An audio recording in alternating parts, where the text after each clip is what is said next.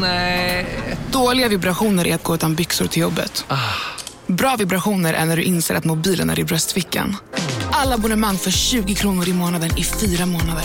Vimla! Mobiloperatören med bra vibrationer. Om en sous på väg till dig för att du hörde en kollega prata om det och du råkade ljuga om att du också hade en och att den var så himla bra att maten blev så otroligt god och innan du visste ordet av hade du bjudit hem kollegan på middag nästa helg för att du sålt in din lågtempererade stek så bra att du var tvungen att beställa en på nätet fort som attan. Och ja!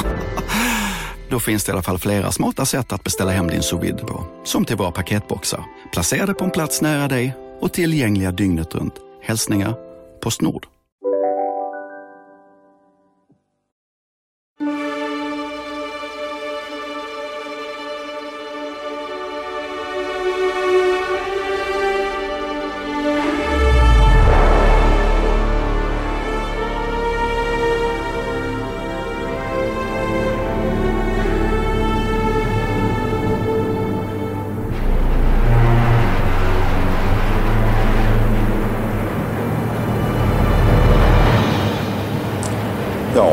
Inget planerat direkt. Det var ju...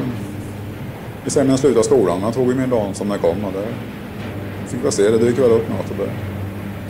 Järnverket, det skulle ni inte börja på. Det var... Då hade ni hört liksom att det var skitigt och dammigt. Och... Att det var liksom... Uppfattningen var den allmänna att det var ett sämre jobb då. Och det var ju inte vad jag hade tänkt sig när jag slutade skolan, men det... Ett och tre då, så stod ni där. Men det var ingen fel i det sen, det var det ju inte. Jättefint kommer Ulf Ottosson och sätter den rätt upp i nedtaket. Och Ottosson kommer ni kanske ihåg, det var han som gjorde 1-0 i Stockholm mot Djurgården. Sen gjorde Djurgården tre mål. Nu har Ottosson gjort mål igen på Stora Valla inför säkert 6000 åskådare som jublar vilt. Och det här innebär att om Degerfors gör ytterligare ett mål så är Degerfors i Allsvenskan.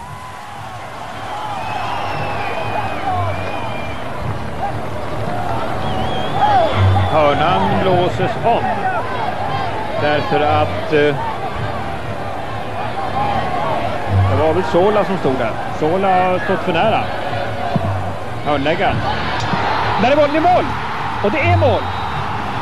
Nästan direkt på hörnan. Av Berger. Henrik Berger.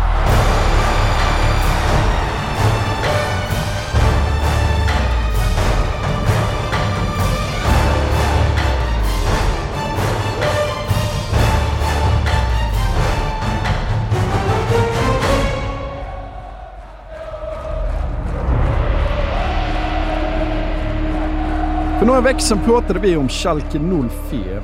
Det handlar om en stad som byggts upp runt sin industri och ett fotbollslag som skapats av den industrin. Det handlade också om en stad som hamnat på efterkälken när världen rusat åt ett annat håll. Men framför allt handlar det om fansen. Om stoltheten över sitt fotbollslag och hur deras identitet kommer att tillhöra laget snarare än staden. Laget vi ska prata om idag ligger i Sverige, inte i Tyskland. Men i övrigt känns likheterna faktiskt slående. Ja, det finns många fotbollsstäder i Sverige. Det finns många fotbollssamhällen i Sverige. Men tusan vet om det egentligen finns något annat som är lika mytologiserat som Degerfors. Något annat samhälle som är så oupplösligen ihoptvinnat med sin fotbollsförening. Det går liksom inte att säga Degerfors utan att samtidigt tänka på Degerfors IF. Det är den första associationen. Det är den tydligaste associationen.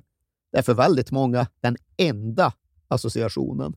Degerfors är ett namn som andas fotboll, som andas traditioner och som andas anor.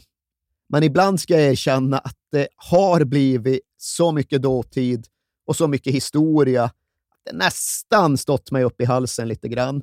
Och jag var i Degerfors i höstas för att skriva någon längre text om fotbollen och samhället när Degerfors IF var på väg tillbaka upp i allsvenskan. Och då kände jag att det liksom räckte.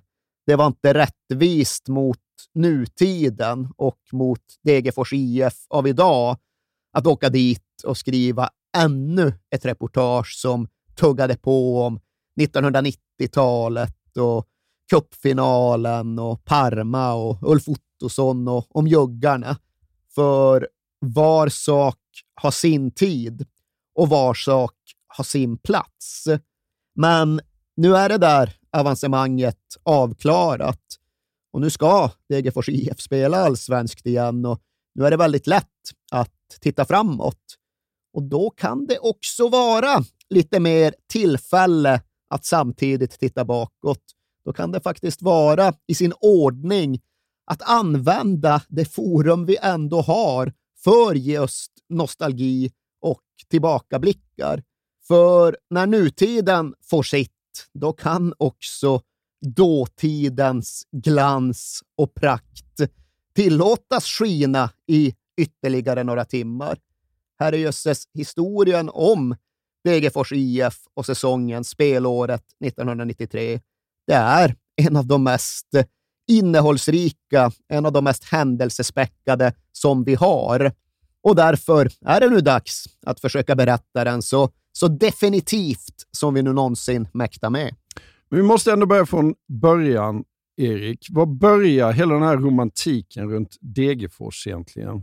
Ja, alltså föreningen grundas ju i början av 1900-talet, men jag känner inget riktigt behov av att gå hela vägen tillbaka till 1907. Men givetvis måste vi göra några snabba studsar på 1930, 1940, 1950 och 60-talen, för det är ju den verkliga guldåldern i stålsamhället. Och det finns en rätt självklar startpunkt för Degerfors IFs verkliga storhetstid. Och den infaller 1936 på en tid då Degerfors fortfarande var ett kluvet fotbollssamhälle.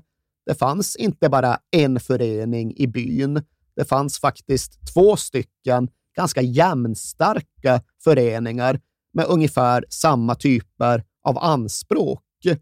Men det där tyckte inte järnverket var något vidare. Bruket tyckte att det var lite problematiskt med två arga rivaler i ett och samma samhälle. Så de gick mer eller mindre in och drev på en sammanslagning av Degerfors IF och Jannelunds SK, som då var dåtidens arga antagonist. Och det bruket gjorde för att komma någonstans med det där, det var att de erbjöd mark, ny mark för en ny arena som då kunde erbjuda och innebära helt nya möjligheter ifall bara föreningarna kunde göra gemensam sak istället för att träta vidare. Och så blev det. Jannelunds SK accepterade någonstans att gå upp i Degerfors IF, att sväljas av föreningen med samhällets namn. Och som belöning såg då bruket och i någon mån även kommunen till att eh, anlägga Stora Valla.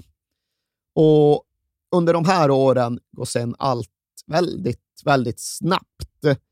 För redan 1937 så kommer frälsaren, trollkaren till byn. Ungraren Istvan Vampeti anländer med ganska blygsam meritlista, men med kappsäcken fullpackad av fotbollsideologi. För i väldigt hög utsträckning var Ungern den tidens ledande europeiska fotbollsnation.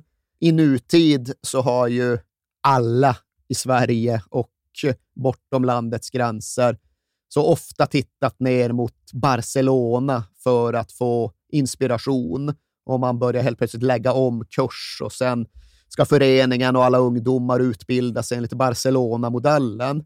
Ungern var den tidens Barcelona. Ville man verkligen komma någonstans med sin fotboll, då tittade man mot Ungern. Då hämtade man en ungrare. Och det var vad Degerfors IF gjorde och det var det de fick häpnadsväckande god, gott utfall för. För ja, 1936 då slog de ihop föreningen i en framåtriktad rörelse. 1937, då kommer van Vampeti. 1938, då är Degerfors för första gången en allsvensk förening och då slår de även upp portarna till då nya Stora Valla.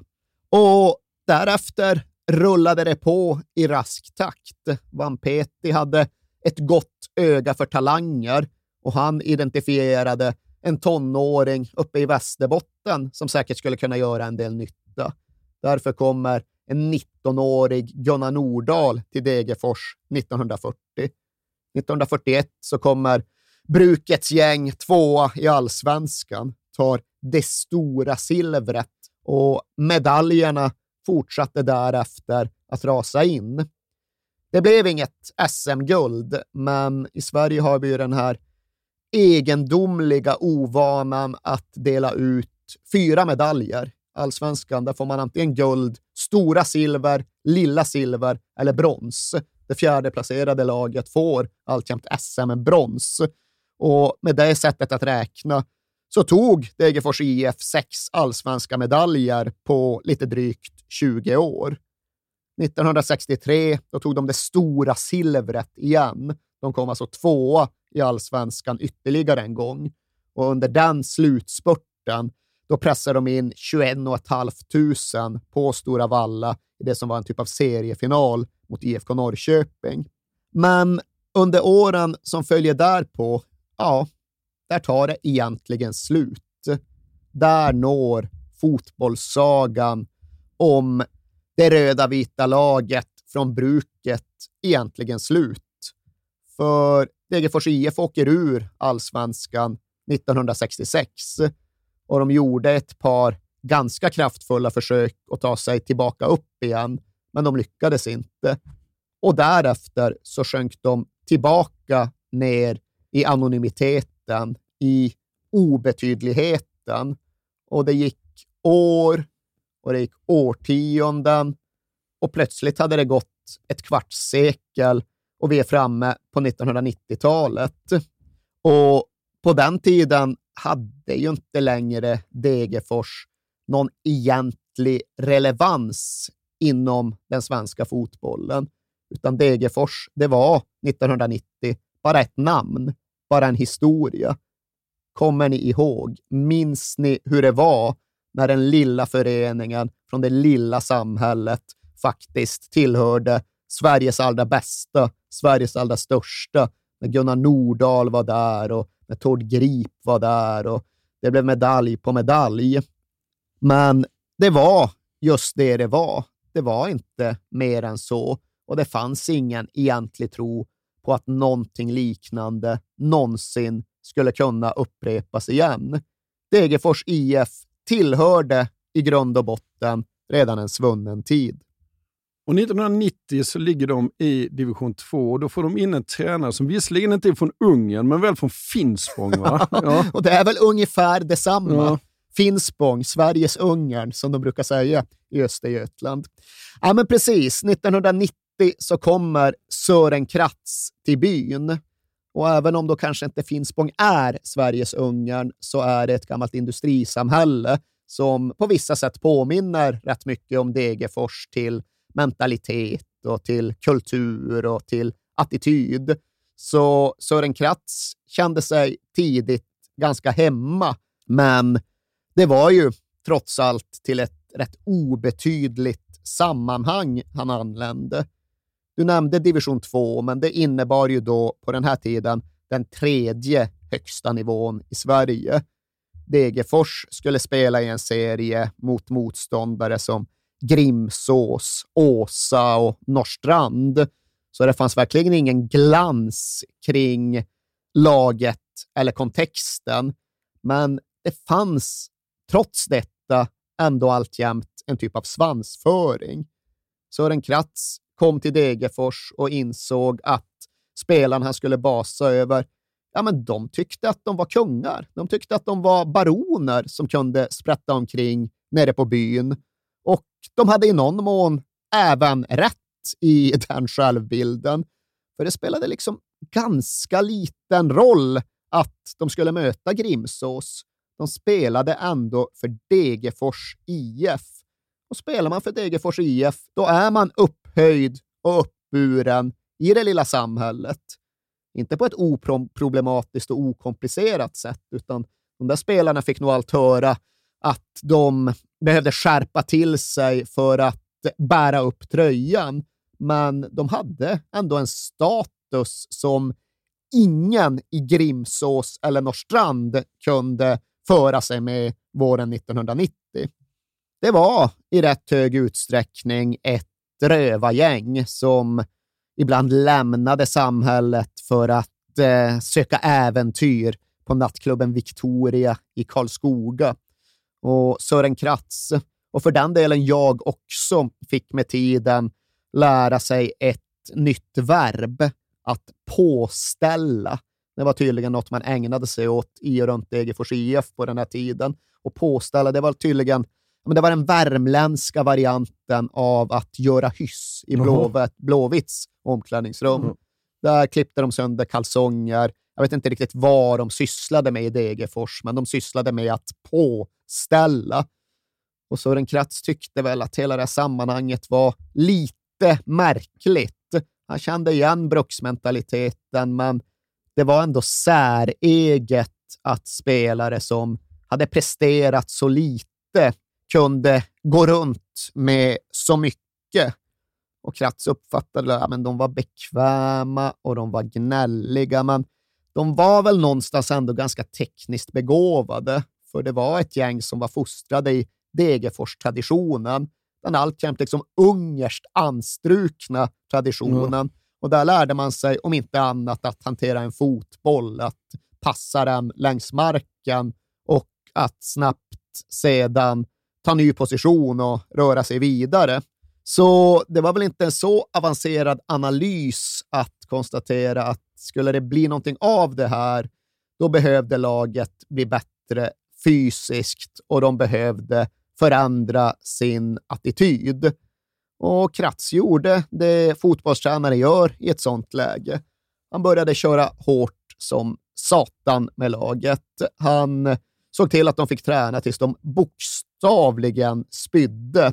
Och han var också noga med att hämta in några etablerade spelare utifrån som kunde stå på hans egen sida och någonstans baxa med sig de lokala i rätt riktning.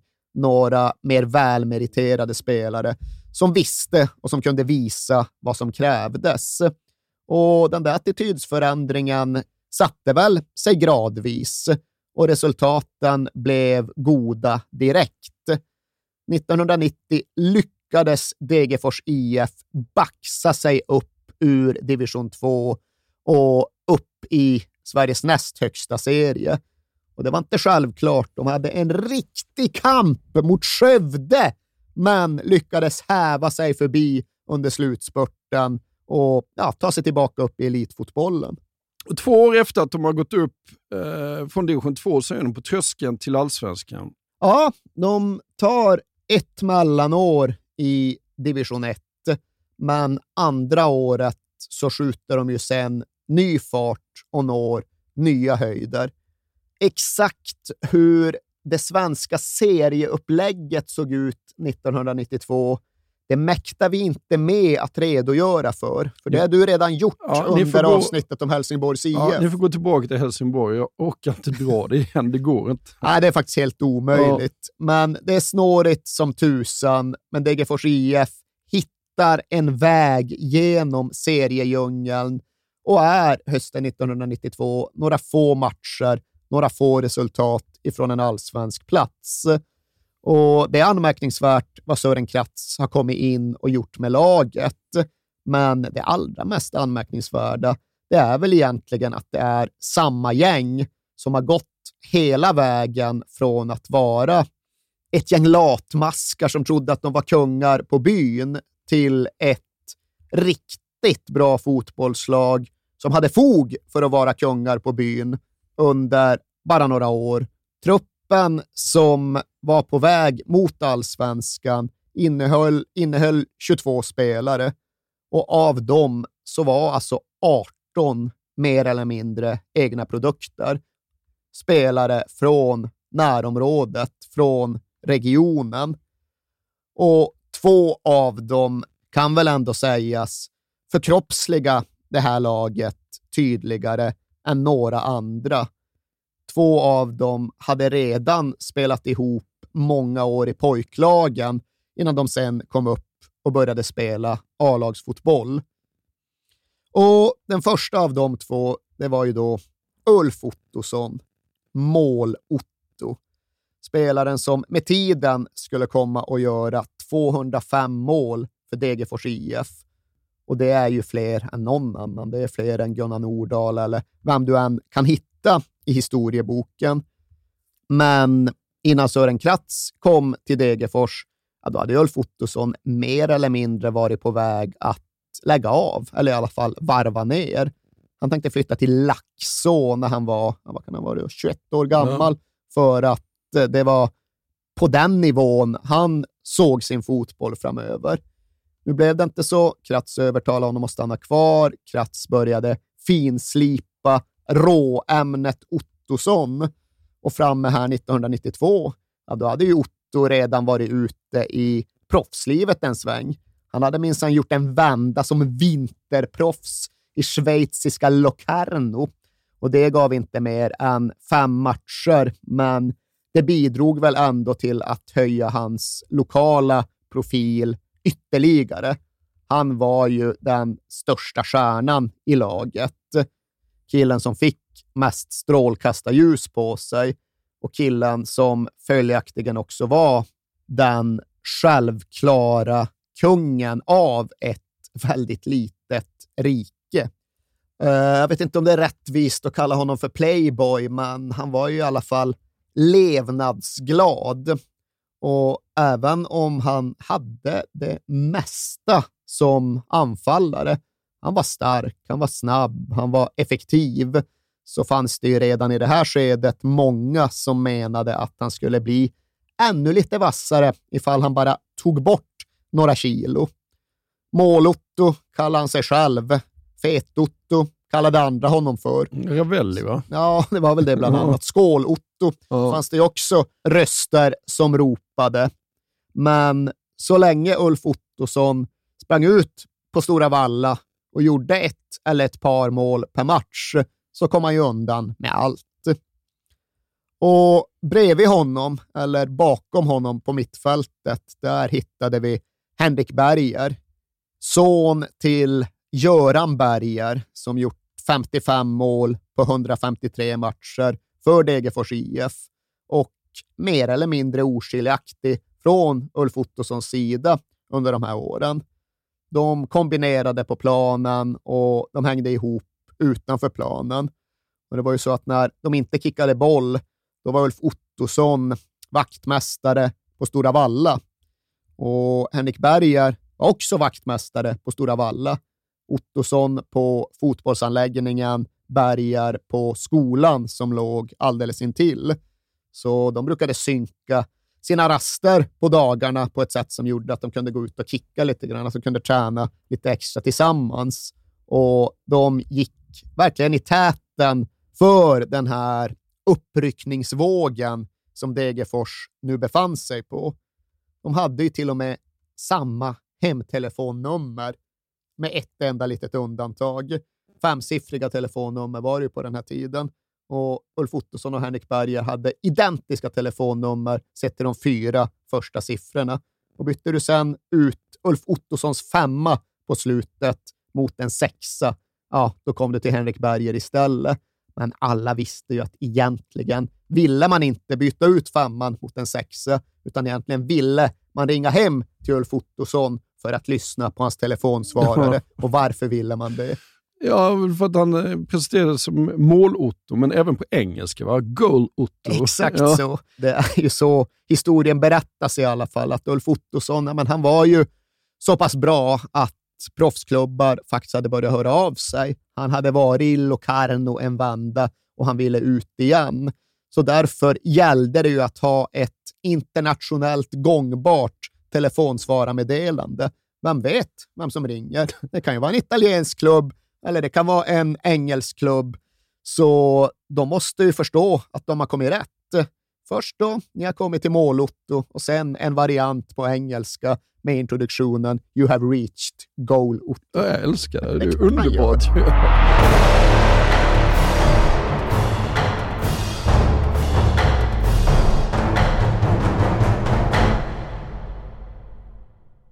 Jag vill inleda med att säga att det är garanterad jackpot på 13 miljoner på Stryktipset. Och fy fasen. Ja. Ja, visst.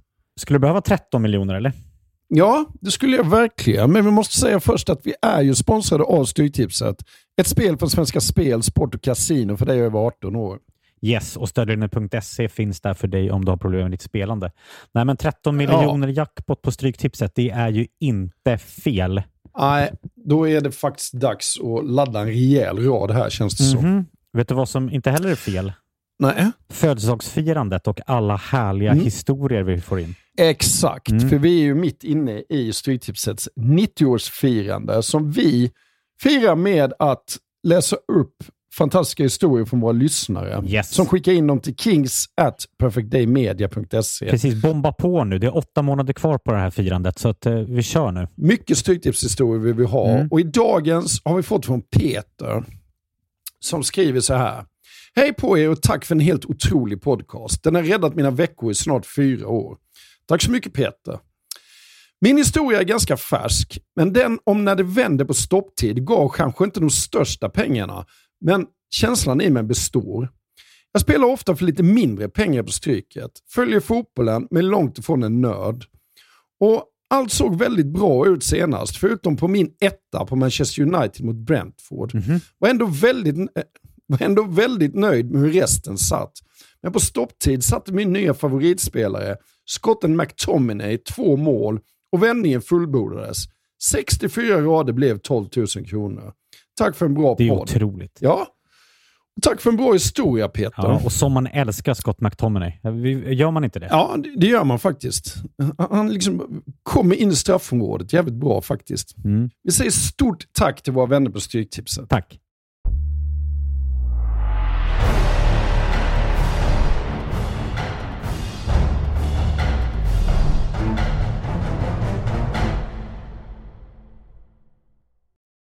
Men det var inte bara enbart eh, hemvävt, utan det fanns ju en spelare som kom som var väldigt avgörande. Va? ja, som det inte går att passera i det här skedet av berättelsen. Egentligen så var det nog efter sommaruppehållet 1992 som det blev tydligt att Degerfors IF faktiskt hade något riktigt stort på gång.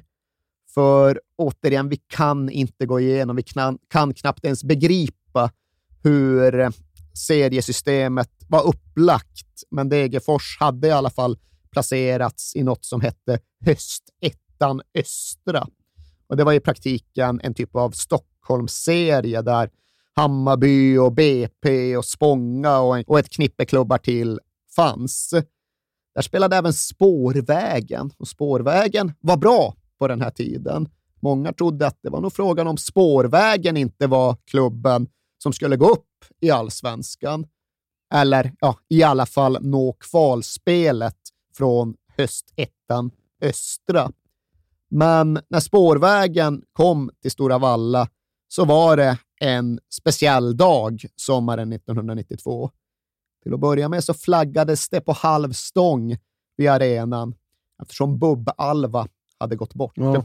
Och det är ingenting man ska skrocka åt, utan Bubb-Alva var ju en extremt uppskattad lokal profil som bredde mackorna och kokade kaffet på Stora Valla och eh, kan därför få representera de hundratals, de tusentals ideella krafter som genom årtiondena gjort så oerhört mycket för den här föreningen. Men med Bubb-Alvas flaggor på halvstång, då gick då Degerfors ut och dunkade till seriefavoriterna i spårvägen med 5-0. Och det var inte bara det att de vann och det var inte bara det att Ulf Ottosson såklart gjorde mål.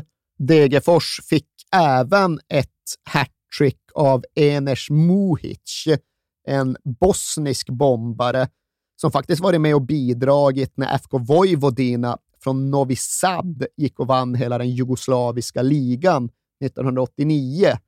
Men ändå så var det inte han som var Balkan-berättelsen från den här matchen eller från den här tiden. Utan i utklassningen mot spårvägen gjorde en annan spelare från det forna Jugoslavien sitt första mål för klubben när han stängde ihop föreställningen med ett 5-0-mål.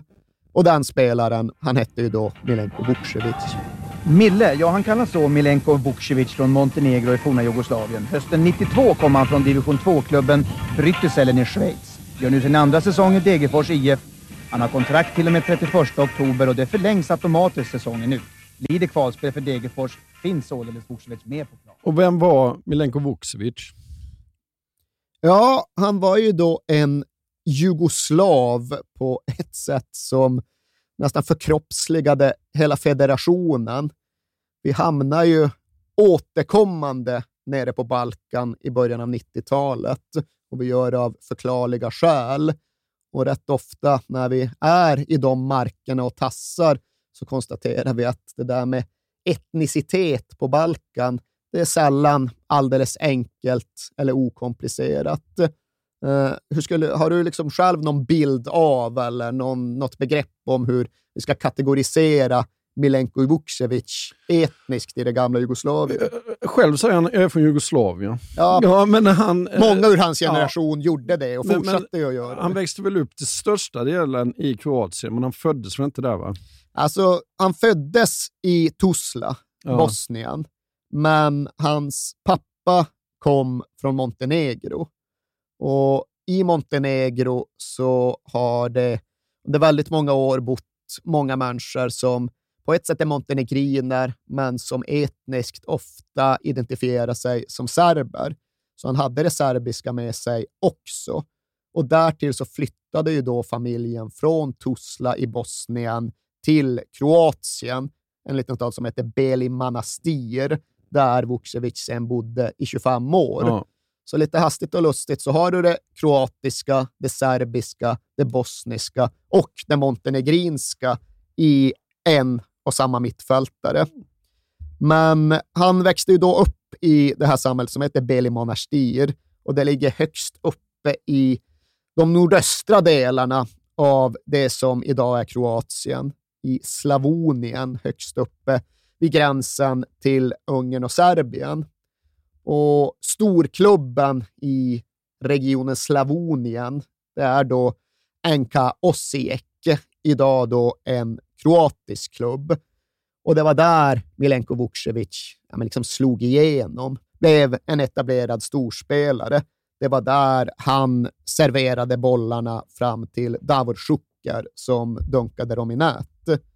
Men sen hände det ju som bekant en del i det forna Jugoslavien generellt och i de här regionerna specifikt i början av 1990-talet. Det tycks inte vara varit så att Milenko Vucevic själv drabbades av något eh, påtagligt krigstrauma, men situationen var givetvis komplicerad. Själv bodde han kvar i detta Beli Manastir, men skulle ju ändå åka in till Osijek och träna och spela matcher på väldigt regelbunden basis. Och det var inte många mil mellan den ena platsen och den andra, men det blev så att hela den sträckan var helt perforerad. Först var det fyra kilometer med serbiskt territorium, sen kom det ett, en frontlinje och så var nästa by kroatisk och sen skedde det en typ av växling igen på flaggstångarna och det där skulle då Milenko Vukcevic med en flytande etnicitet försöka manövrera mer eller mindre två gånger varenda dag. Och han insåg väl själv att det där skulle leda till problem med tiden. Det där var ett, en situation som bara var att försöka lämna så fort det gick. Och Det är kul med Vukcevic därefter, för den engelskspråkiga varianten av Wikipedia, den är ju normalt sett väldigt utförlig, väldigt detaljerad, väldigt pålitlig. Jag har liksom inga problem att använda engelskspråkiga Wikipedia som källa. Men om man tittar på Vukcevics sida där så står det citat “It is unknown where he played in the 91-92 season”. Eh, det är alltså inte allmän kännedom riktigt vart han tog vägen, Jaha. men han hamnade ju i Schweiz. Ja. Han lämnade Jugoslavien och hamnade i Schweiz och det är väl på ett sätt lite ursäktligt att engelska Wikipedia inte har full koll på detta, för det var ju inte någon av nationens största och glammigaste klubbar han spelade för. Milenko Vukcevic lämnade Jugoslavien och hamnade i FC Bryttisellen. Ja. Jag måste erkänna att jag själv har en väldigt svag relation till FC Bryttisellen. Utanför Zürich, va? Ja, tydligen. Ja. Det, det, har vi noterat. Ja. Men han var rätt och slätt köpt av några schweiziska privatpersoner eller någon typ av schweizisk fotbollsagentur det var något så här triangulärt upplägg likt en annan River Plate-spelare som innebar att Milenko Vukcevic tillhörde Big Promotion, ägd av den schweiziska agenten Georg Keller. Och Det var väl en lösning, men den tycktes inte optimal. Vukcevic hittade inte riktigt rätt där i Bryttisellen och lönen kom inte riktigt som den skulle. Men med tiden så lärde han känna citat, en italienare någonstans eh, där runt Zürich. Den italienaren kände i sin tur fotbollsagenten Vincenzo Morabito, som ju var verksam i Västsverige och som därigenom erbjöd en ny flyttrutt för den här begåvade mittfältaren.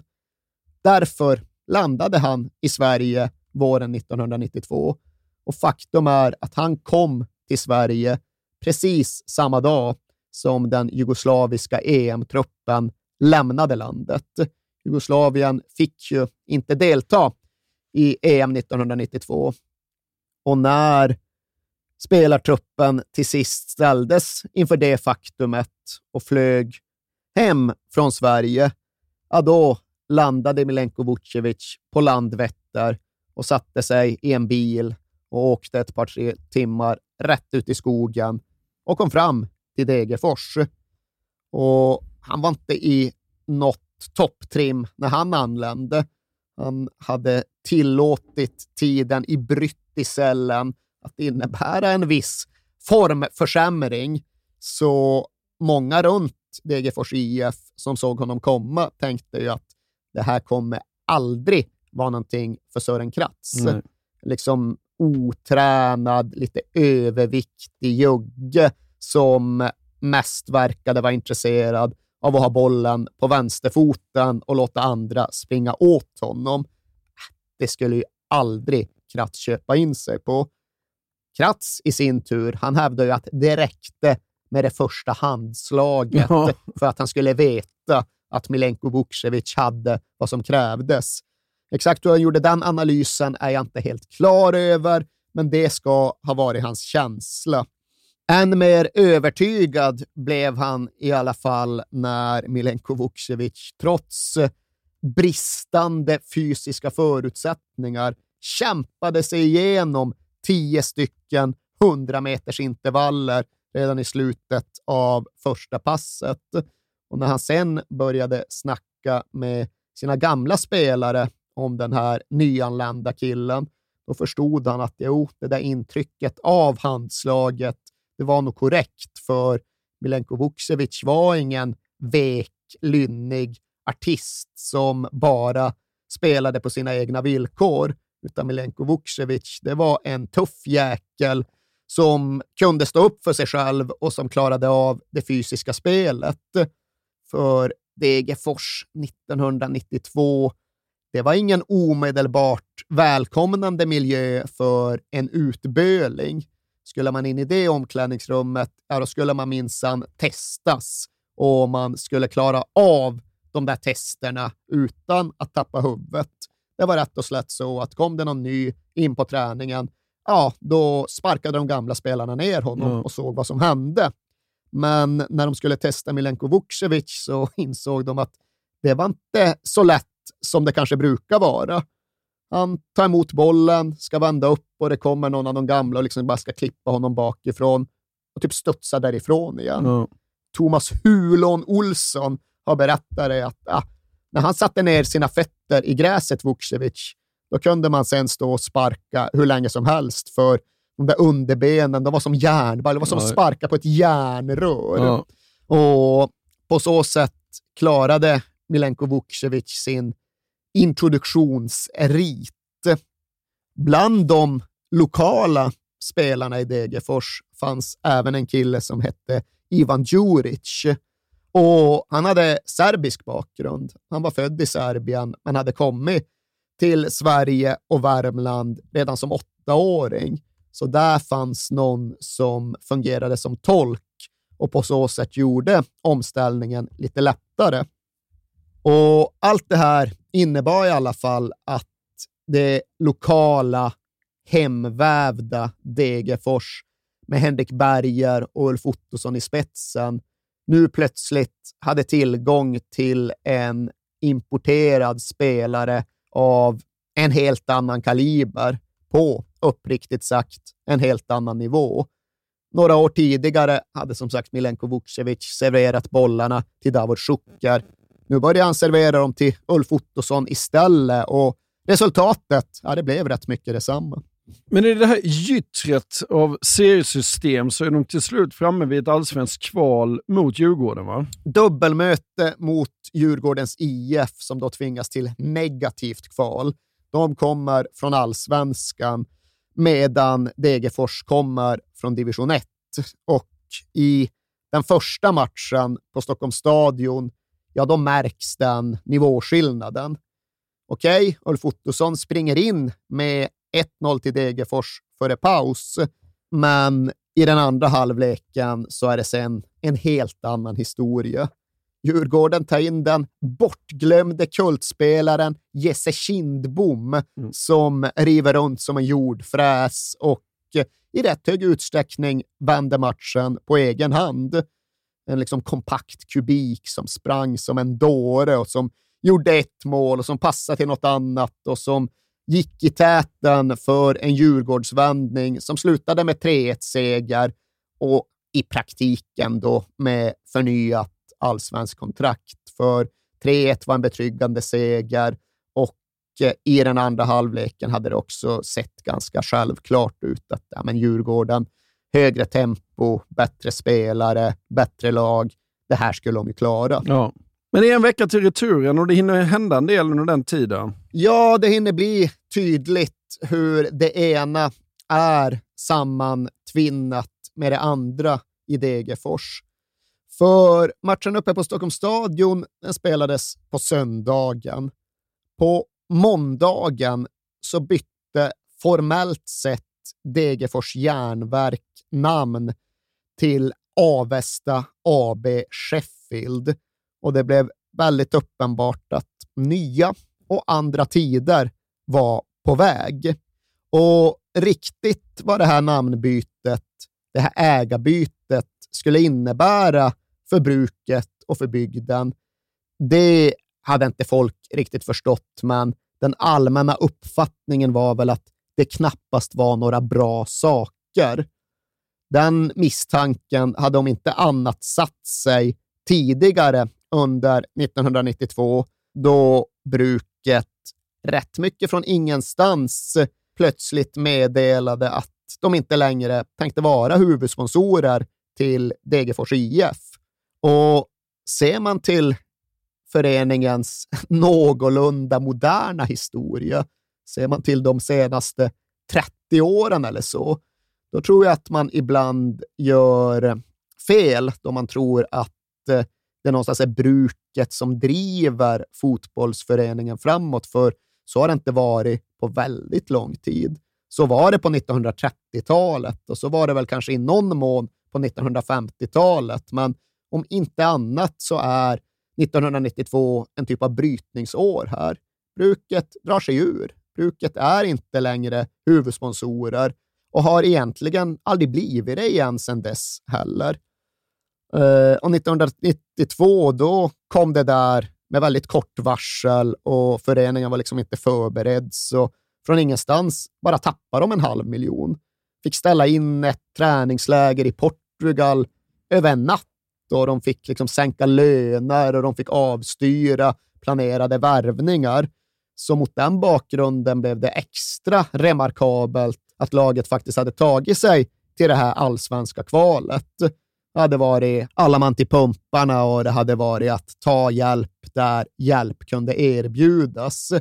Bygdens stora son Ralf Edström hade varit inne och rattat lite grann och sett till att det kom lite sponsringspengar från Tipstjänst och ICA. Men Degerfors IF hade fått lov att förhålla sig till en verklighet utan brukspengar. Och nu, den första veckan i november 1992, ja, då var frågan om även samhället framöver skulle behöva förhålla sig till en verklighet utan brukspengar. Nu var det Avesta AB Sheffield som gällde den koncernledningen lät meddela att eh, visst, idag har vi fyra stålverk. Två i England och två i Sverige. Men de fyra ska bli två. Vi ska ta bort ett verk i England och vi ska lägga ner ett verk i Sverige. Och vi ska fundera över hur vi ska göra detta. Vi tar hundra dagar och utreder och utvärderar och sen bestämmer vi oss och sen kommunicerar vi det. Så det var bokstavligt talat kvaltider på mer sätt än ett i Degerfors den här hösten. Bruket skulle gå en typ av avgörande fight mot stålverket i Avesta för sin framtid. Och samtidigt skulle Degerfors IF spela den avgörande allsvenska kvalmatchen hemma mot Djurgårdens IF. Och det är ju såklart en jättetuff match, men de har ändå gjort ett mål på bortaplan, va?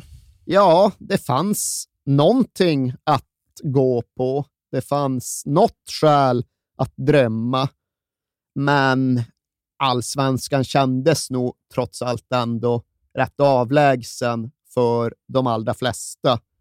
Som sagt, mer än ett kvartssekel hade hunnit gå sen Degerfors åkte ur serien och ja, mer än 20 år hade passerat sen de ens hade varit nära och haft någon typ av möjlighet. Den gången så var fortfarande Ralf Edström med i Rövitt och de hade ett likartat läge då de hade en avgörande hemmamatch mot Hammarby. Men den gången blev det stryk med 2-0 och den gången blev det någon typ av resignation inför att, ja, ja, det var ju ändå den stora klubben från Stockholm som till sist kom hit och påminde om tingens ordning. Och Vissa saker hade förändrats i takt med att tiden hade gått, men andra hade ju förblivit exakt de samma. Stora Valla, ja, den arenan såg i praktiken likadan ut 1992 som den hade gjort med Ralf Edström 1969, eller ja, som den hade gjort när den uppfördes 1938. När Degerfors spelade det allsvenska kvalet, då var det fortfarande samma huvudläktare på Stora Valla som det hade varit 1938 och den var mer eller mindre orörd. Det var dessutom där arenans enda sittplatser fanns. Det var 800 sittplatser på huvudläktaren och sen var resten ståplats. Så den här dagen stod de sida vid sida, värmlänningar från alla hörn, för att hoppas på och för att i förlängningen även uppleva en typ av mindre idrottsligt mirakel.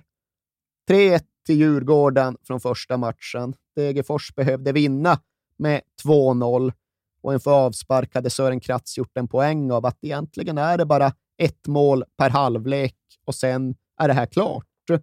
Och just precis så skulle det även komma att bli. I slutet av den första halvleken så skruvar Milenko Vukcevic fram en frispark och Ulf Ottosson hugger snabbast och drar upp bollen i nättaket.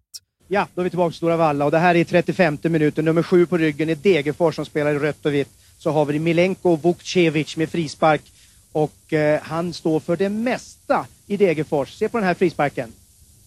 Och där inne kommer Ulf Ottosson, målskytten i Degerfors och gör 1-0 i den 35 minuten. Det här är Uffe Ottossons 21 mål i år och med det är han bäst på planen. Det här är ju precis det som Degerfors vill ha i den här matchen.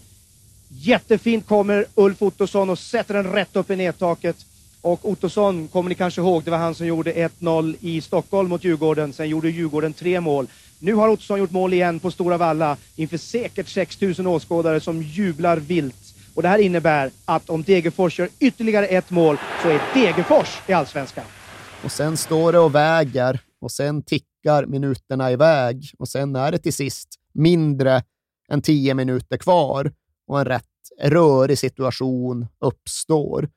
Till att börja med två bollar inne på plan, så egentligen borde ju domarteamet ha blåst här, men det gjorde de inte.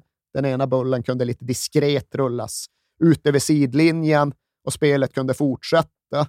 Och Degerfors trycker på framåt i planen och det är dueller och det är motlägg. Och på tv så hör man när bollen liksom närmar sig straffområdet hur en plågad röst vrålar “Skjut för fan då!” mm. Men det blir ytterligare ett par motlägg innan då bollen rullar fram mot Henrik Berger.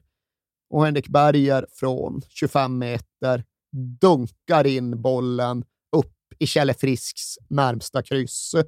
Och jag kan inte imitera värmländska överhuvudtaget, än mindre östvärmländskan från Degerfors men att Henrik Berger senare beskrev det som att det kändes som att sparka på en bomullstuss. Ja. Det är ju väldigt ofta återberättat.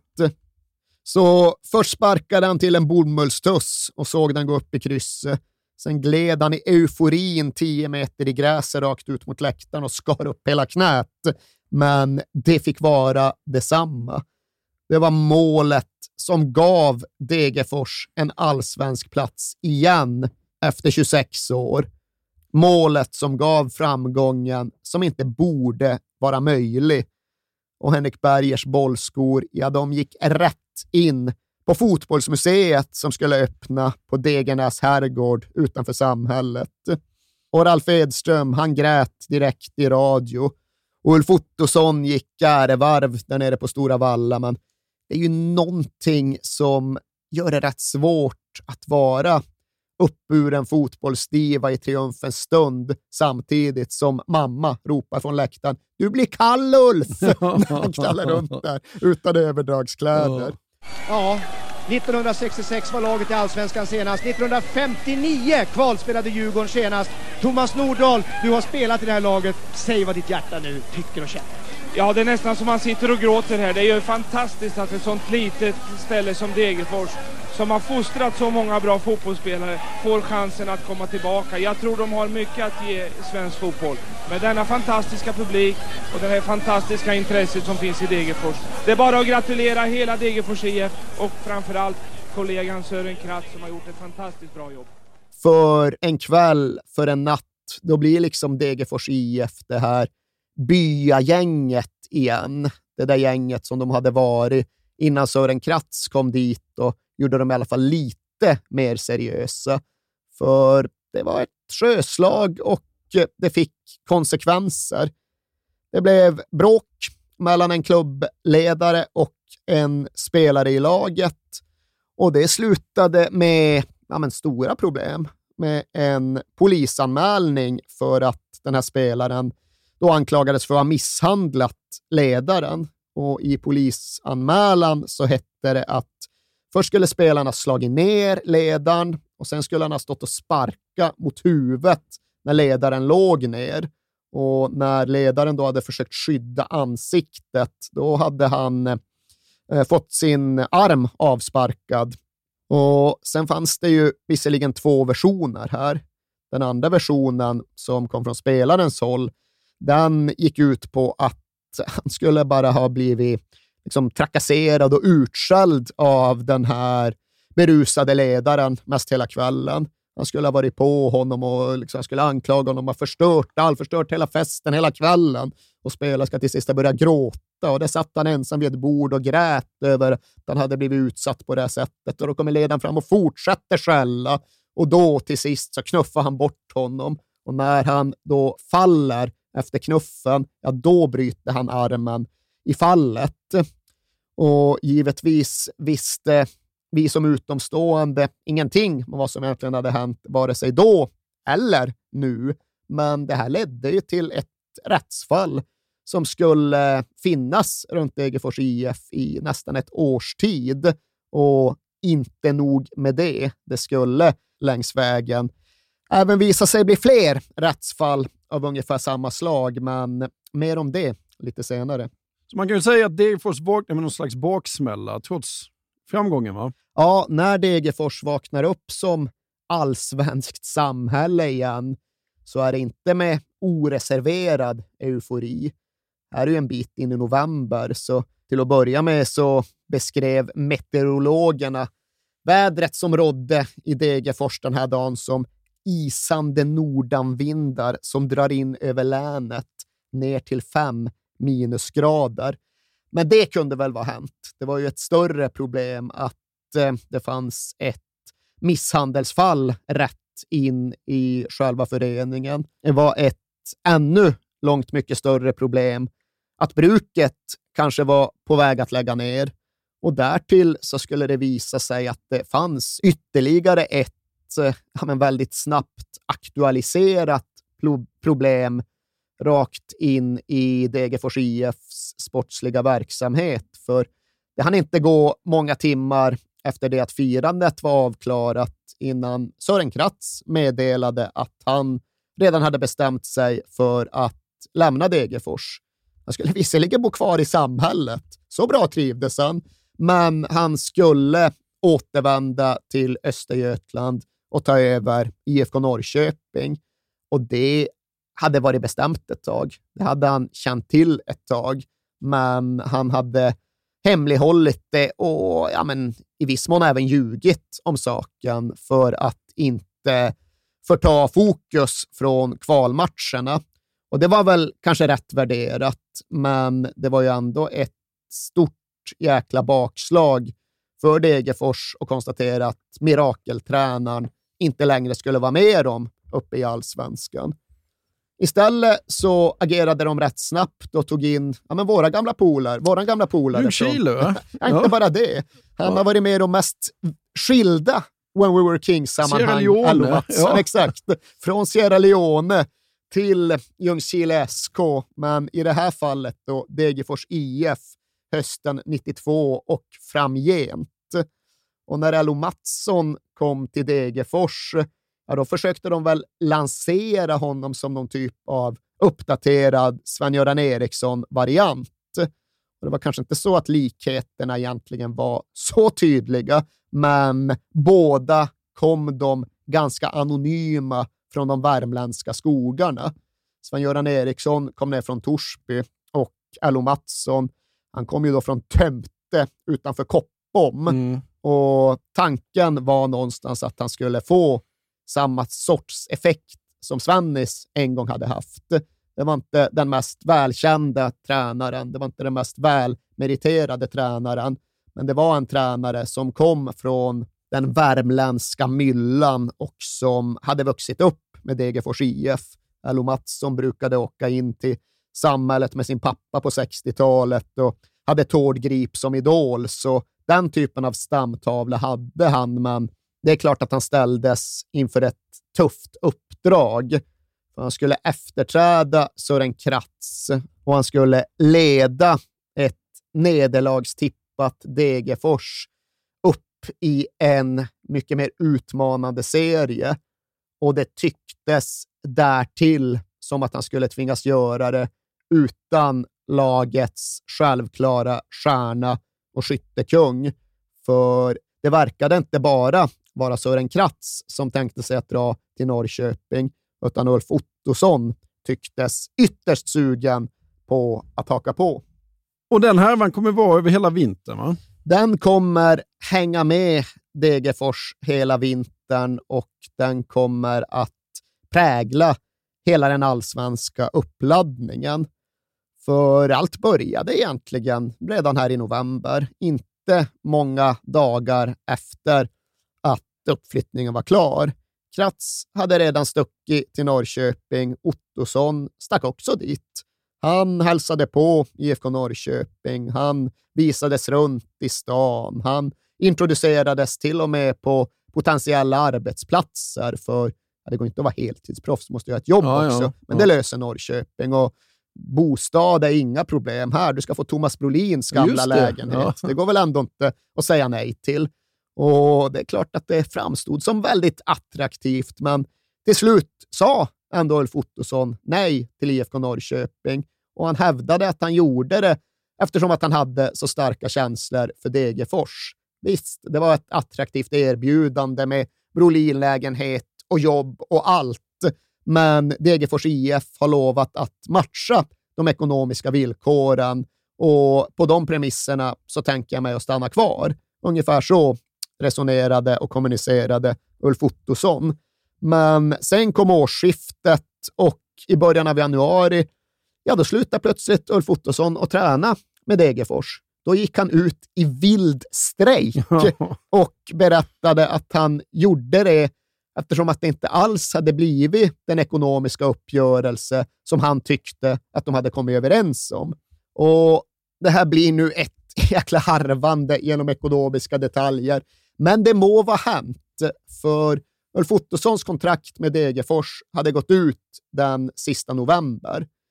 Och på de premisserna skulle han ju följaktligen inte få något pröjs i december.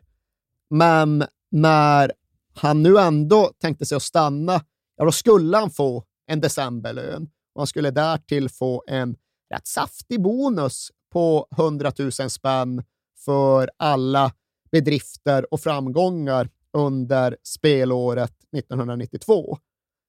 Och där uppstår sen någon typ av jäkla moment 22.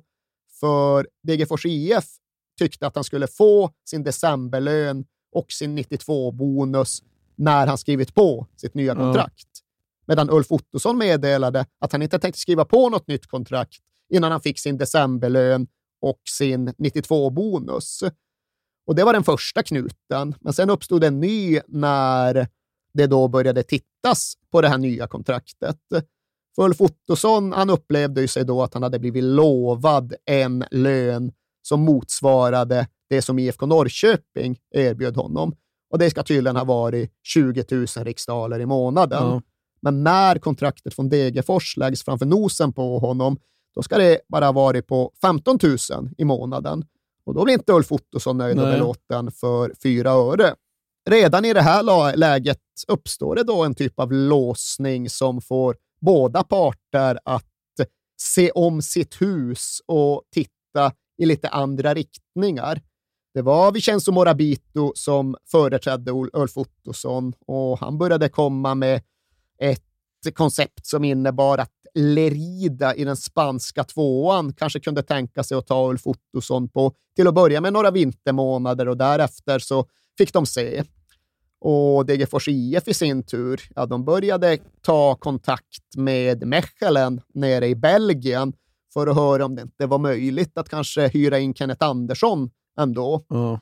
Och här var det Tord Grip som både var assisterande förbundskapten och inblandad i Degerfors IF som höll i kontakttrådarna. Men varken Ulf Ottosson till Lerida eller Kenneth Andersson till Degerfors blev väl riktigt konkret, utan huvudspåret var ju ändå att det här med Ulf Ottosson skulle lösa sig. De hade ju kommit överens och Ulf Ottosson hade ju sagt nej till Norrköping, så det var väl bara att sätta sig ner och reda ut det som behövde redas ut.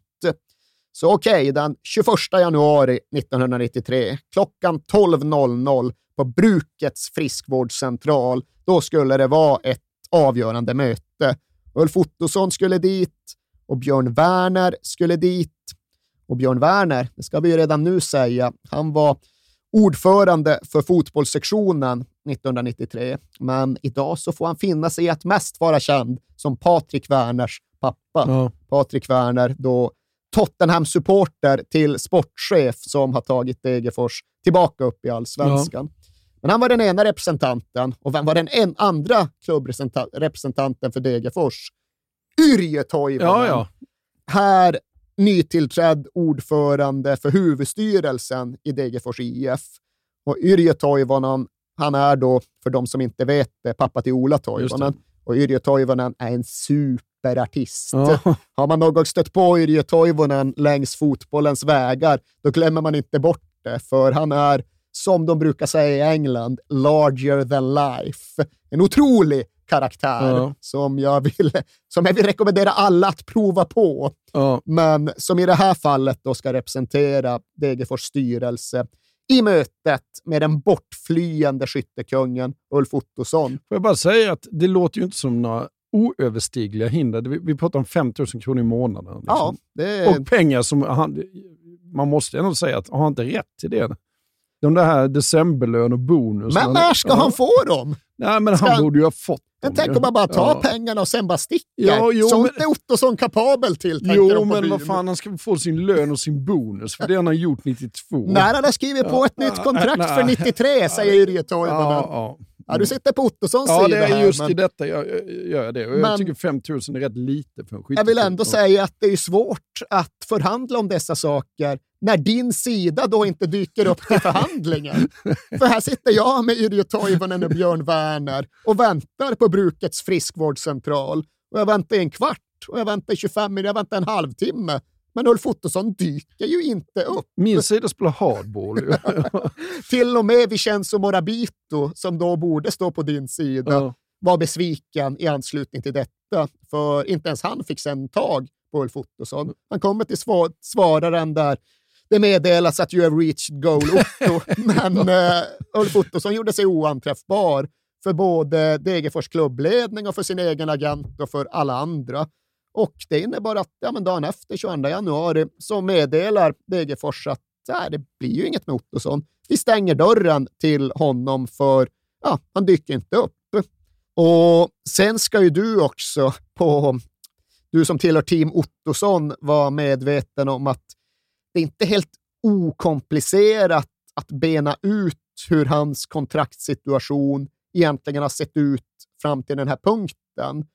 För det är lite som att försöka förstå sig på det svenska serieupplägget 1992. Jaha. Eh, Jag citerar från en av dåtidens tidningsrapporter. Ottossons kontraktshistoria har varit märklig det senaste året. Svenska fotbollförbundet fick 25 september in ett kontrakt från Degerfors. Det var undertecknat 31 augusti av Degerfors och Ottosson, men det gällde från 1 juli till 30 november.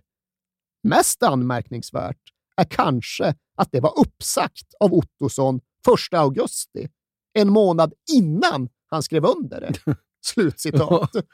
Och det här var en röra som hade kunnat kosta, för det verkade vara på det sättet att egentligen så hade Ottosson spelat hösten på ogiltigt kontrakt. Ja.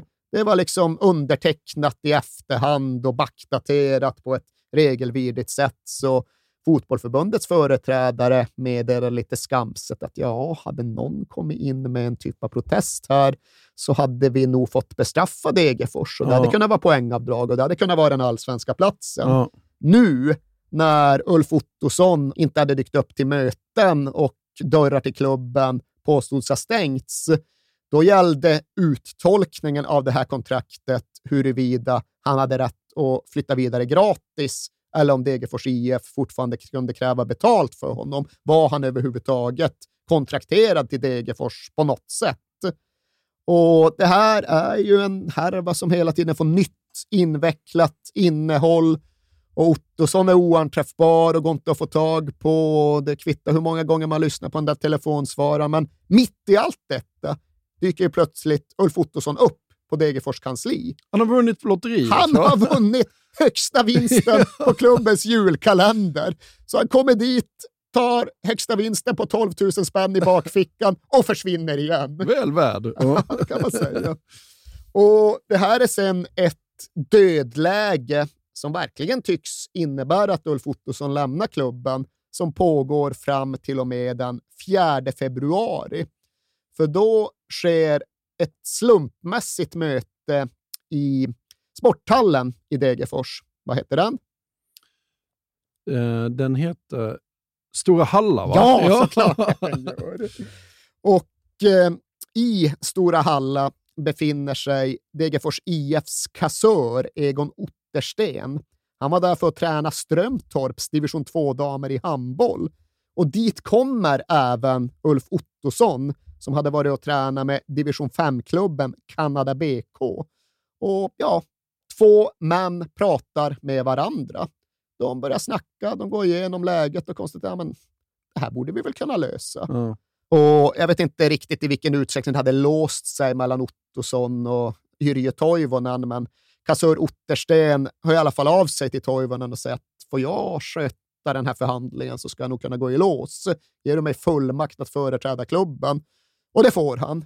Och dagen efter, ja, då är det möte igen då mellan kassör Ottersten och Ulf Ottosson. Och den här gången dyker Ottosson upp. Mm. Klockan 12 börjar de.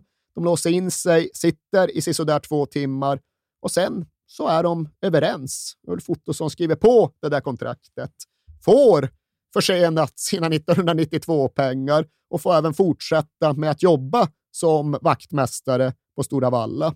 Så det var en till sist ganska odramatisk lösning på ett problem som borde ha varit rätt okomplicerat.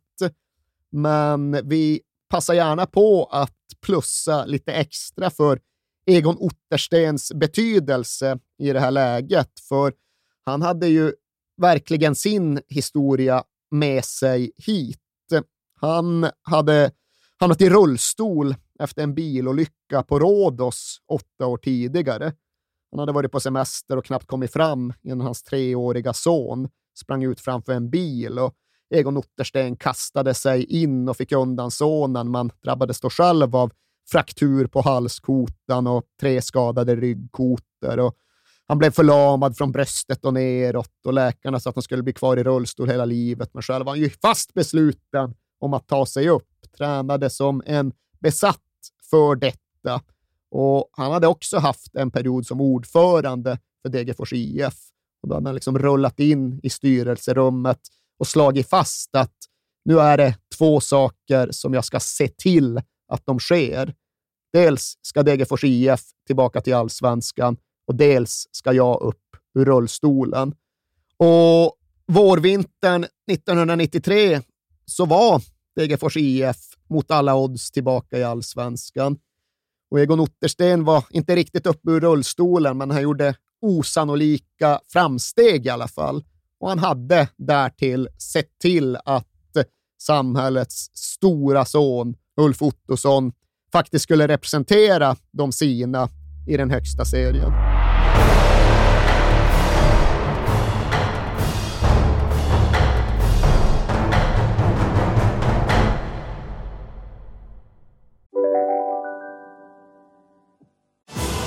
Välkomna tillbaka till Sibylla där sportbörjaren nu laddar för mål. Otroligt taggad och toppat formen med stekt lök och dubbel cheddarost. Det här blir en riktigt god match! Sportbörjare, ett original i godaste laget. Från Sibylla. Abbo hemma. Hur låter din badrumsritual? Kanske så här? Eller så här? Oavsett vilken ritual du har så hittar du produkterna och inspirationen hos Apohem. På Sveriges största jackpot-kasino går hypermiljonen på högvarv. Från Malmö i söder till Kiruna i norr har hypermiljonen genererat över 130 miljoner exklusivt till våra spelare.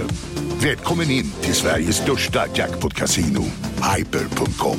18 plus, regler och villkor gäller. Och hur såg den truppen ut inför Allsvenskan? Haha, ditt favoritsegment. Ja, ja, Ska alltid gås igenom. Ja. Ja, men vi tar det lite snabbt och hastigt eh, och konstaterar att i mål stod då Mats Johansson, luftens kung. Målvakt från Matfors utanför Sundsvall egentligen. som inte ville sitta på bänken i Örebro och som därmed kom till Degerfors och eh, alltså utgjorde ett av truppens ganska få utsocknes bidrag. På högerbacken såg det faktiskt rätt tunt ut in i den allsvenska säsongen. Jag Ska erkänna att jag i efterhand inte är helt säker på vem som egentligen var tänkt som första val, men så som jag uppfattar det är en herre som heter Johan Ström som startar säsongen som högerback. Johan Ström vet jag väldigt lite om. I den ekvationen fanns även en kille som heter Peter Karlsson och honom känner jag mest till som, jag tror det är Ola Toivonens tremänning. Innanför dem som mittbackar, ja då är det i alla fall rätt glasklart. Tommy Molin, tuffingen Tommy Molin, var den ena mittbacken och han var lagkapten, ledare. Hade varit i klubben sedan knatteåren och hade spelat i A-laget sedan han var 16. Och bredvid tuffingen Tommy Molin, där är såklart då Christer Eriksson. Christer Hårding Eriksson, som han alltid skulle benämnas som. Och i mina ögon hade alltid Hårding Eriksson varit en del av det här gamla gardet, det här kompisgänget som hade festat sig upp från trean hela vägen till allsvenskan. En av Degerfors egna, men jag tvingades inse att nej, det var tydligen inte alls. Han hade i själva verket importerats från Björnlunda i Sörmland och det var där han hade blivit Hårding Eriksson. Och Hårding hade han blivit för att ja, han kickade minsann boll med de stora grabbarna. Han spelade med storebrorsan och hans polare som var tre år äldre. Vilken hårding! Ja. Och det kan man väl tycka att det var ett smeknamn förvärvat på rätt tunna premisser, men han kom sen att, att svara upp mot det i vuxen ålder. Christer Eriksson var en hårding och bildade då med Molin ett svårforcerat mittbackspar. Till vänster då, Ivan Djuric, den värmländska serben, innermittfältaren som eh, motsträvigt låtit sig skolas om till vänsterback av Sören Kratz. Men Ivan Juric var skicklig som satan där ute på vänsterbacken. Trots att jag faktiskt, jag tror inte han gjorde ett enda mål på, för Degerfors IF på 215 matcher eller något i den stilen men så pass skicklig att han exempelvis skulle komma att bjudas in till provspel av Leicester City några år framåt längs vägen. Eh, om inte Ivan Djuric spelade vänsterback, då gjorde oftast Sebastian Henriksson det. En egen 18-åring som skulle göra 20 matcher på lite olika positioner den här säsongen. Han kunde användas på vänsterbacken, han kunde användas på mittfältet, han kunde spela mest överallt och kom med tiden sen att hamna i IFK Göteborg. Jag tror att många kanske minns honom mest därifrån. Framåt i planen så kan vi bara snabbt nämna Ola Svensson, ytterligare en sån här egen spelare som kunde sättas in lite här och där ifall situationen krävde, men som kanske inte på ett självklart sätt skulle räknas till första elvan. Där fanns däremot tre mittfältare som ja, men var helt självklara. Först och främst naturligtvis då Milenko Vukcevic som vi har nämnt och som vi kommer att nämna igen. Och bredvid honom Thomas Hulån Olsson, en oöm buse som i väldigt hög utsträckning bara såg till att vinna bollen och sen peta den vidare till Milenko som fick göra sina grejer.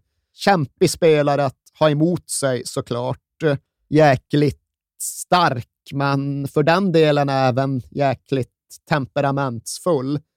Kunde svartna för ögonen på Hulon Olsson och det skulle om inte annat visa sig lite längre fram i hans karriär. När Degerfors försökte ta sig tillbaka upp i allsvenskan i slutet av 90-talet, då sparkade han ju ner någon domare under en match mot VSK. Mm. Och ännu lite längre fram längs vägen så vet vi ju att han till exempel sänkte en 17-årig Ola Toivonen, slog ner en 17-årig Ola Toivonen på väg upp eftersom att Hulon tyckte att han var kaxig och jävlig. Ja. Och på mittfältet fanns givetvis även Henrik Berger, den egna mittfältaren, Ottossons kompis med en osviklig känsla för att dyka upp och göra viktiga mål. Och utanför dessa, förvånansvärt ofta den här säsongen, det 19-åriga nyförvärvet från KB Karlskoga som hette Daniel Tjärnström. Ja.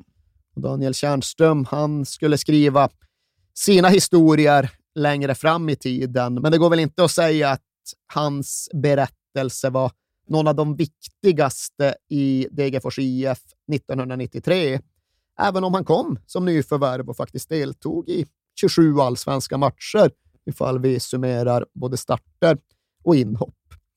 Framåt då, Ulf Ottosson såklart, när han nu väl kommit överens med Egil Ottersten. Sen även Leif Olsson, vet jag inte riktigt hur vi ska räkna, om han ska räknas som mittfältare eller anfallare, men kunde väl vara lite både och.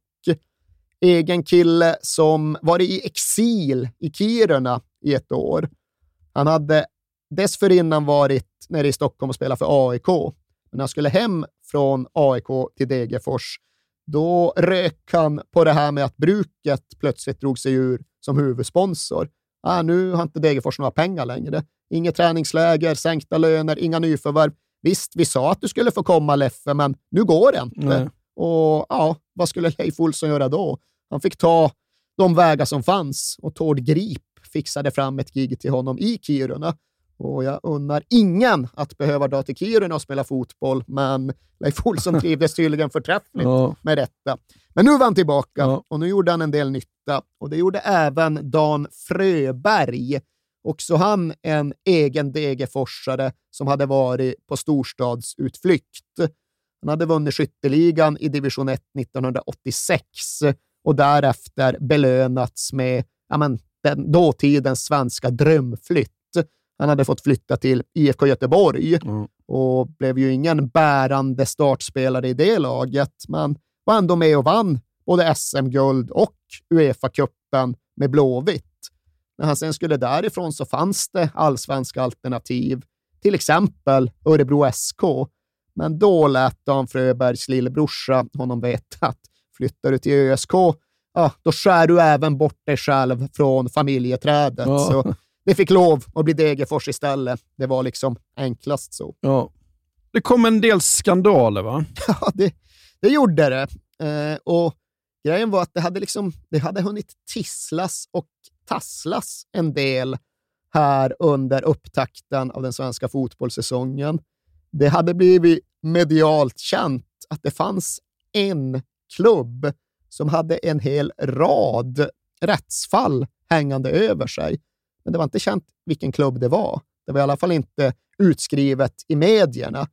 Tills då den 12 maj, då Degerfors med nya ordföranden Yrje Toivonen i spetsen går ut och erkänner att det är Degerfors IF som är den skandaliserade svenska storklubben. Och han får ju rätt och slätt lägga korten på bordet och gå igenom fallen ett efter ett. Och det han då har framför sig det är en situation där tre spelare ur Degerfors A-lagstrupp är misstänkta för misshandel. Dels då den här spelaren som har bråkat med den där ledaren på segerfesten. Det har vi redan berört och gått igenom. Men den polisutredningen hade hunnit en bit på vägen och det visade sig att spelaren stod under ett åtal som innebar att han riskerar ett års fängelse för grov misshandel. Och bortanför det rättsfallet fanns det då ytterligare ett och det handlade om att en ung spelare i laget hade slagit en tjej i ansiktet efter en krogkväll. Och sen fanns det även ett tredje rättsfall där det var någon som hade slagits med någon på Folkets hus och Ja. vad det nu var. Och Yrje Toivonen kunde mest bara säga att klubben skulle följa rättsväsendets utredningar, men Alo Mattsson försökte med tiden förklara det hela genom att prata om hur Degerfors spelare blir provocerade mer eller mindre hela tiden när de är ute på byn eller när de åker in till Victoria i Karlskoga. Och Tord Grip fanns som sagt inom klubbens organisation vid den här tiden och han uttryckte sig lite mer ingående och lite mer målande. Han pratade om hur klaustrofobiskt Degerfors faktiskt kan vara för en fotbollsspelare och hur intensivt det faktiskt kan vara att vara fotbollsspelare i det här lilla samhället. Han sa det att allt spelarna gör registreras och de är påpassade till tusen och snabbt sprids här rykten som kan vara sanna, men som ofta även är osanna.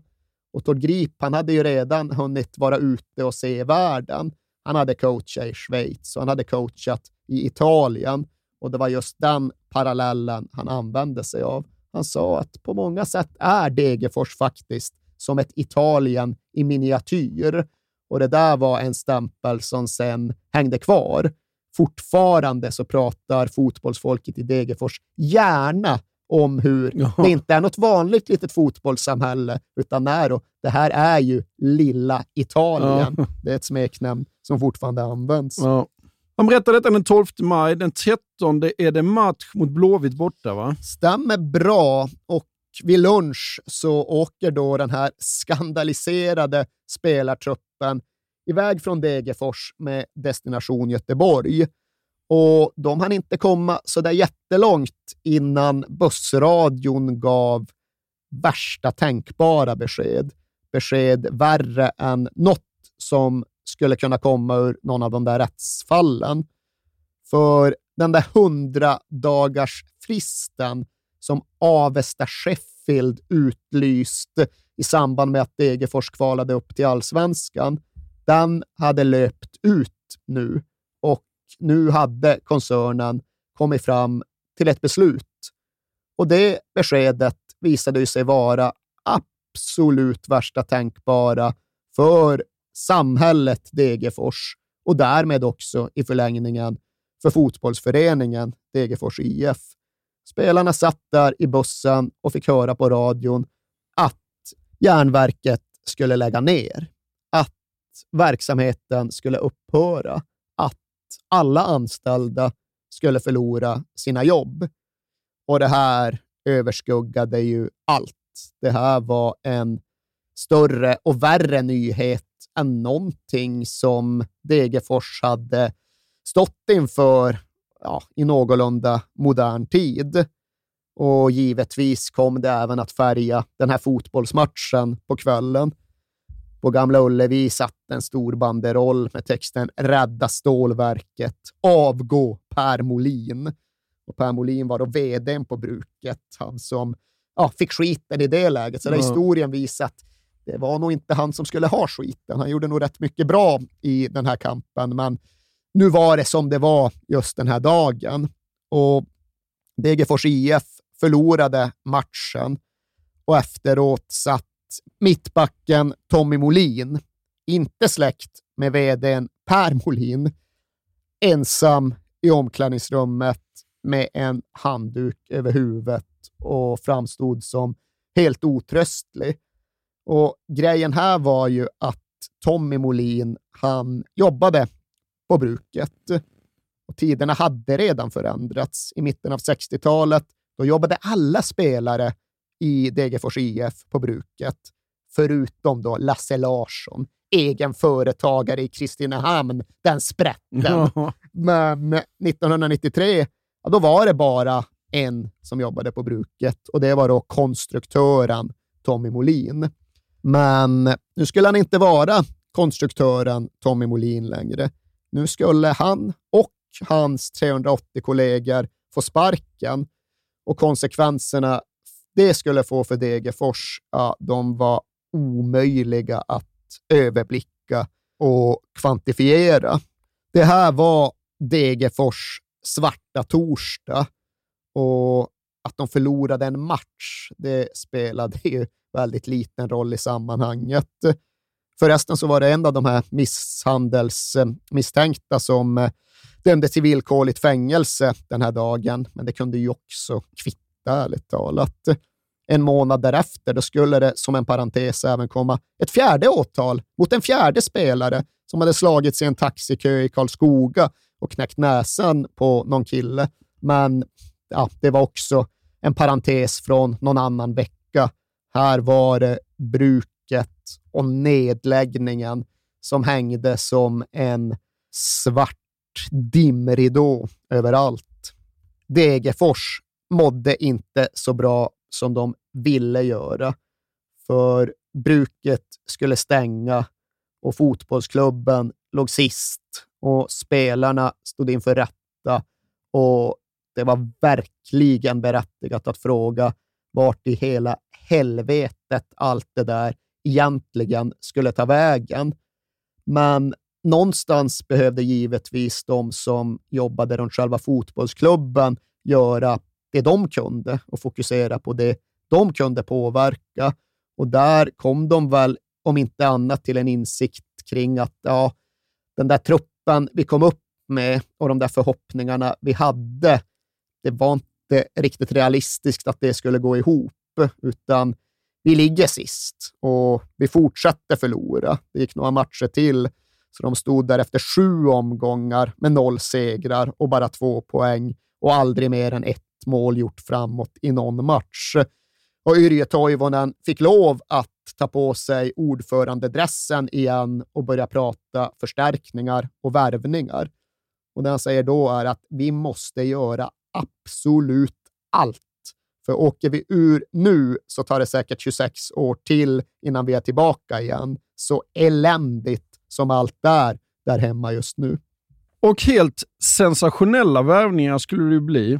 Det skulle det och det hade börjat glunkas lite om att något var på gång redan i samband med förlusten mot Blåvitt på den där svarta torsdagen. Men det det då snackades mest om, det var behovet av att få in mer anfallskraft. För Ulf Ottosson hade börjat säsongen knackigt och sen var det liksom Dan Fröberg och Leffe Olsson. Det var inte så att eh, Degerfors anfallsarmada satte skräck i allsvenskan. Och det som därför diskuterades mest, både externt och faktiskt även internt, det var Jonas Axeldal från MFF. Kunde Degerfors få in honom, ja då, då hade de lyckats med en riktig högkaratsvärvning. Men det var ett spår. Sen fanns det ju andra parallella spår med lite roligare innehåll, ifall vi ska vara ärliga. Det får man ju säga. Och anledningen till detta var egentligen i första hand att det fanns en serb som hette Rade Micic som bodde i intilliggande Karlskoga. Och det sägs att Rade Micic har spelat ungdomsfotboll för Zrena Zvezda, Röda Stjärnan, och det kanske han har, det vet jag inte. Men jag vet ju att det inte har kommit en jugge till Sverige de senaste 50 åren som inte har spelat juniorfotboll i någon av nationens stora klubbar. Men på 1980 och 1990-talet så drev Rademicic, så vitt jag förstår, restauranger, bensinmackar och kiosker. Han hade ett litet affärsimperium där i Värmland och han var bland annat med och drev restaurangen Rövitt i Degerfors. Så han hade närvaro på bygden och han hade ingångar i fotbollsklubben. Degerfors hade redan hunnit ha en liten tradition med spelare från Jugoslavien och Rademicic hade hjälpt dem att ta in legendaren Slobodan Bobo Pavkovic redan under den första halvan av 1980-talet. Men nu hade han större saker på gång. Nu hade klubben större saker på gång, för nu var ju både problemen och möjligheterna nere på Balkan större än någonsin tidigare. Och mitt under den här perioden när allt var så krisigt och så kaotiskt runt Degerfors IF, då hade en liten delegation i smyg, i skydd av mörkret, givit sig ut på guldgrävarresa från Värmland och ner i Europa. Det var Rademicic, det var fotbollsordföranden Björn Werner och det var klubbfunktionären Börje Ågren som flög iväg och som landade i Budapest och som därefter åkte buss genom natten och in i ett land som befann sig mitt i ett pågående krig, in i Serbien. Och Björn Werner berättade att han får fortfarande kalla kårar när han tänker på dramatiken ja. runt den här resan. Eh, och det ska väl i och för sig sägas att det var inte så att striderna pågick i Serbien under just den här våren. Striderna pågick på andra delar av Balkan och det hade inte liksom blivit några FN-bombningar och så där ännu. Men jag förstår absolut den laddade stämningen när man åker in i en buss på kringliga vägar och passerar militärposteringar och in i det kyrilliska alfabetet Serbien ja, våren verkligen också. Ja. Men ansträngningen visade ju sig ge resultat, för i mitten av maj kunde Degerfors IF presentera en helt, helt, helt häpnadsväckande värvning. Och vi kan absolut säga att tiderna är andra nu och att uppståndelsen därmed också blir en annan. Men när Degerfors IF meddelar att de har lyckats värva Dusko Radinovic från Zervena Zvezda ja, då är ju det en allsvensk värvning som absolut är uppe på samma magnitudsnivå som när MFF tog Jari Littmanen eller när Blåvitt tog Marek Hamsik. Ja. Det var ju helt och fullständigt osannolikt. Dusko Radinovic, alltså Zervena Zvestas svar på Dani Alves, högerbacken som forsat fram genom Europa och tagit Röda Stjärnan hela vägen fram till Europacupfinal.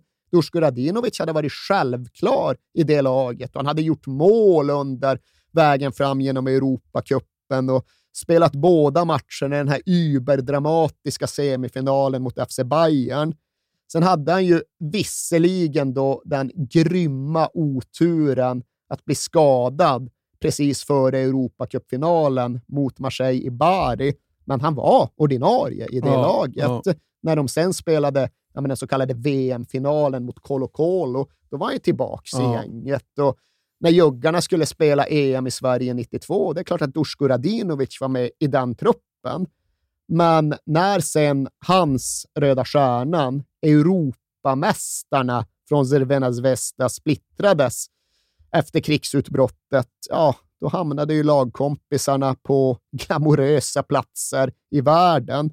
Robert Prosinecki drog till Real Madrid och Darko Pancev hamnade i Inter, Dejan Savicevic i Milan och Sinisa Mihailovic i Roma och Dusko Radinovic i Degerfors. Ja, otroligt. 15 000 spänn netto i månaden, ja. plus då bostad, bil, tv och video. Ja. Men ja, en helt hisnande värvning och en värvning som i mångt och mycket alltjämt är rätt obegriplig idag.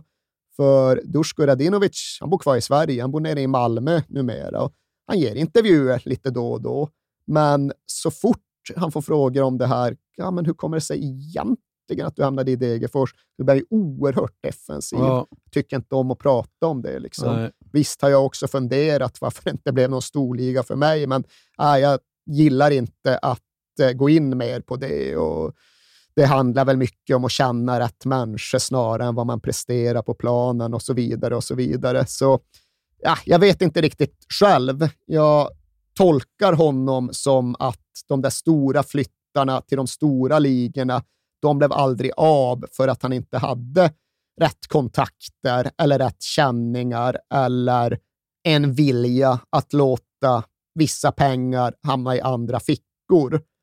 Och Det innebar att han till sist stod egentligen utan erbjudanden och började bli lite äldre. Han var väl 28 eller något mm. när han kom till Degerfors. Och då var väl goda råd rätt dyra när laget splittrades och nationen föll sönder.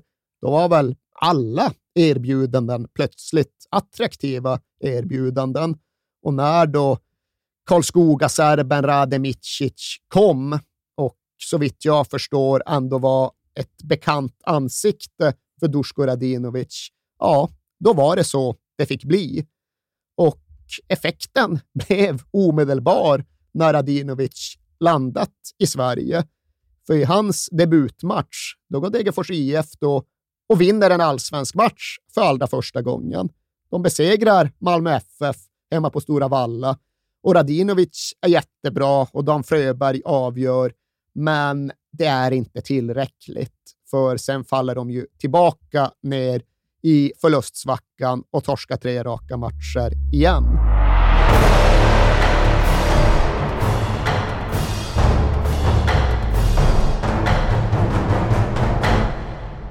Men det var en ex-jugoslav till, va? Ja, det behövdes ytterligare förstärkning och det fanns ytterligare förstärkning inom räckhåll. Det fanns krattat för ännu en värvning ja, men av samma kaliber som Dusko Radinovic. För på andra sidan Belgrad, eller ja, egentligen på andra sidan av den här parken som skiljer Zvestas och Partisans arenor åt, där fanns Vujadin Stanojkovic, en väldigt välmariterad makedonier nerifrån Skopje. Han hade ju för sig inte vunnit Europacupen, men hans meritlista var fullt jämförbar med Dusko Radinovic. För till att börja med så hade han osannolikt nog varit med och vunnit den starka jugoslaviska ligan med Vardar Skopje där han växte upp och vinna den jugoslaviska ligan med en klubb från Skopje, det var helt osannolikt. Det kunde ju bara inte hända. Och det fick därför inte heller hända. Det där kanske, kanske borde vi göra ett avsnitt om Vardar Skopje 1986-87 någon gång. Ja. Men det som hände då, det var att ja, de vann ligan. Jublade som ett annat Schalke 04. Tänkte vilken grej historiskt. Vi vinner en liga som inte borde vara för en liten klubb som våran. Och sen gick det ju mer än fyra fem minuter den gången. De firade i, så vitt jag förstår, fyra fem dagar, kanske till och med fyra fem veckor. Mm. Och sen kom beskedet från fotbollsfederationen. Ja, ah, men fan förresten, ni vet att vi gav ju Partizan Belgrad sex poängs avdrag in i säsongen på grund av den där matchfixningen förra året. Ja, jo visst, de har spelat med minus sex hela säsongen. Det är korrekt. Ja, men fan, vi tänkte nu att vi ger tillbaka dem. Mm. Det, ni vet hur det blir, utredningar hit, utredningar dit. Så postumt, några veckor efter säsongsavslutningen, så får de tillbaka sex poäng som de aldrig tidigare har haft. Mm. Och det gör ju då att det är de som är mästare, mm. inte Vujadin Stanojkovic och hans Vardar Skopje så kanske insåg han att det var i Belgrad och det var i Partizan man behövde spela ifall man skulle vinna bucklor. Det var i alla fall dit han flyttade och det var där han hamnade och det var där han blev jugoslavisk landslagsman. Stanojkovic var med i VM i Italien 1990 och deltog i gruppspelet och hade då verkligen världens ögon på sig. För vilka sitter och väntar på honom en dag när han kommer ner i hotellmatsalen där landslaget har sin bas vid Gardasjön.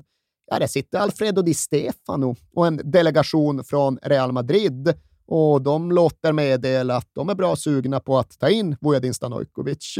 De sitter där och pratar kvart, 20 minuter och kommer överens om att ja, visst, vi spelar klart VM, men sen kör vi. Ja. Och sen var bara kruxet att Stanojkovic blev petad ur juggelaget under slutspelet. När de piskade till Real Madrids Spanien i åttondelen, ja, då fick han inte spela. Och när de sen föll mot Maradonas Argentina i kvarten fick han inte heller spela. Och istället valde då Real Madrid att värva Stanojkovic rumskompis Predrag Spahic istället. Men karriären var ju såklart inte slut med det. Stanojkovic fortsatte spela för landslaget, också uttagen i EM-truppen 92 och när han anslöt dit så var det som färsk jugoslavisk cupmästare.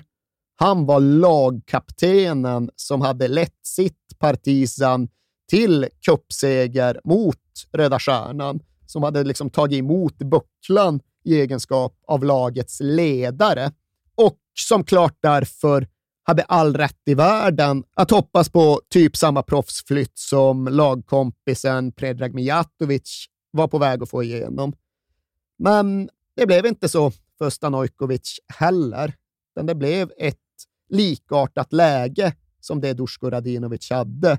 I takt med att han blev äldre och äldre och i takt med att alla hans lagkamrater försvann iväg och utomlands, men då satt han kvar i ett land som bara störtade djupare och djupare ner i kriget. Och till sist var han också där, där alla alternativ var välkomna alternativ. Och för Stanojkovic var det inte bara Rade Micic då som eh, övertygade och övertalade, utan nu hade han då även Dusko Radinovic som referens. Mm. Han han dit och han han vara i Sverige och Degerfors i några veckor och han fanns därmed som garant när även Stanojkovic valde att genomföra sin halsbrytande övergång. Och det går ju inte att trumma på nog om hur iögonfallande de här värvningarna var och för den delen kring hur stora följderna blev. Effekten på själva laget var ju såklart en sak, men sen hände det en massa andra mer eller mindre lustiga grejer i relation till de här övergångarna. Vet du till exempel vart Ola Toivonen typ praoade när han var, ja, men, säg 14 eller något? Nej. 12.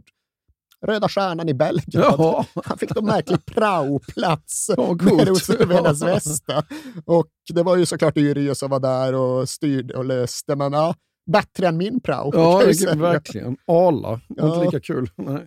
Och det var ju kul. Sen fanns det andra dimensioner som inte gick att avfärda som lustiga på riktigt samma sätt. För Degerfors IF, ja, de blev ju anklagade för, jag ska inte säga att de har begått krigsförbrytelser, men eh, för att ha brutit mot FNs sanktioner mot det som på den här tiden kallades Restjugoslavien. Enligt sjunde paragrafen i sanktionsbestämmelserna så är det förbjudet att verkställa betalning till blockerad stat. Och det framstod ofrånkomligen som att Degerfors IF hade verkställt en betalning till en blockerad stat Ja. ett par gånger. Och det innebar ju att ja, konsekvenserna var rätt svåra att överblicka. Det är väl en sak att få Svenska fotbollsförbundets disciplinkommitté i nacken efter en lite luddig kontraktskrivning med Ulf Ottosson, men att, jag inte vet jag, vad är det, något FN-organ Ja. som börjar slå en i huvudet för att man har handlat med krigsförande stat. Det är inte alldeles lätt att eh, vara trygg i en sån situation. Och det var också någonting som kom att hänga över Degerfors IF under hela hösten 93. De kom i slutändan undan för att det visade sig att ja, de här pengarna de hade inte gått till Röda Stjärnan eller till Partizan Belgrad, hade gått till mer eller mindre diffusa mellanhänder och konton utanför Jugoslavien. Men där är min bild att Degerfors mest bara hade tur. De betalade de pengar de var tillsagda att betala för att få in de här förstärkningarna. Och hade de gått rakt ner i Partizan Belgrads klubbkassa så hade de inte haft liksom, några synpunkter på det. De hade Nej. inte tänkt så långt som att det var liksom, krigsbrott på horisonten. Nej. Men de klarade sig ur det och de fick in några av de absolut bästa värvningar som en allsvensk fotbollsklubb någonsin har gjort. Och från ingenstans så dundrar Dusko Radinovic och Vujadin Stanojkovic in i Degerfors. Hur blir det då? Ja, men det blir inte en fullt så omöjlig kulturell omställning som man kanske hade kunnat tro. Det är klart att de också höjer på sina ögonbryn när skogarna blir tätare och tätare på väg från flygplatsen. Och det är klart att de också undrar vad det är för mikroskopiskt litet samhälle de egentligen har kommit till. Men de hade sen bra hjälp med att komma in i allt.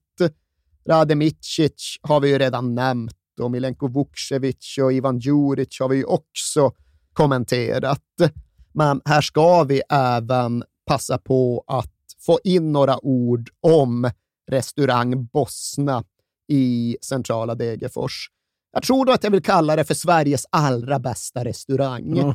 Fantastisk plats på jorden och det är väl kanske inte Michelin-ambitionerna på menyn som gör det till det ställe det är, Men om det inte är Sveriges allra bäst, bästa restaurang så vill jag i alla fall påstå att det är den restaurang som betyder mest för en enskild fotbollsförening här i landet.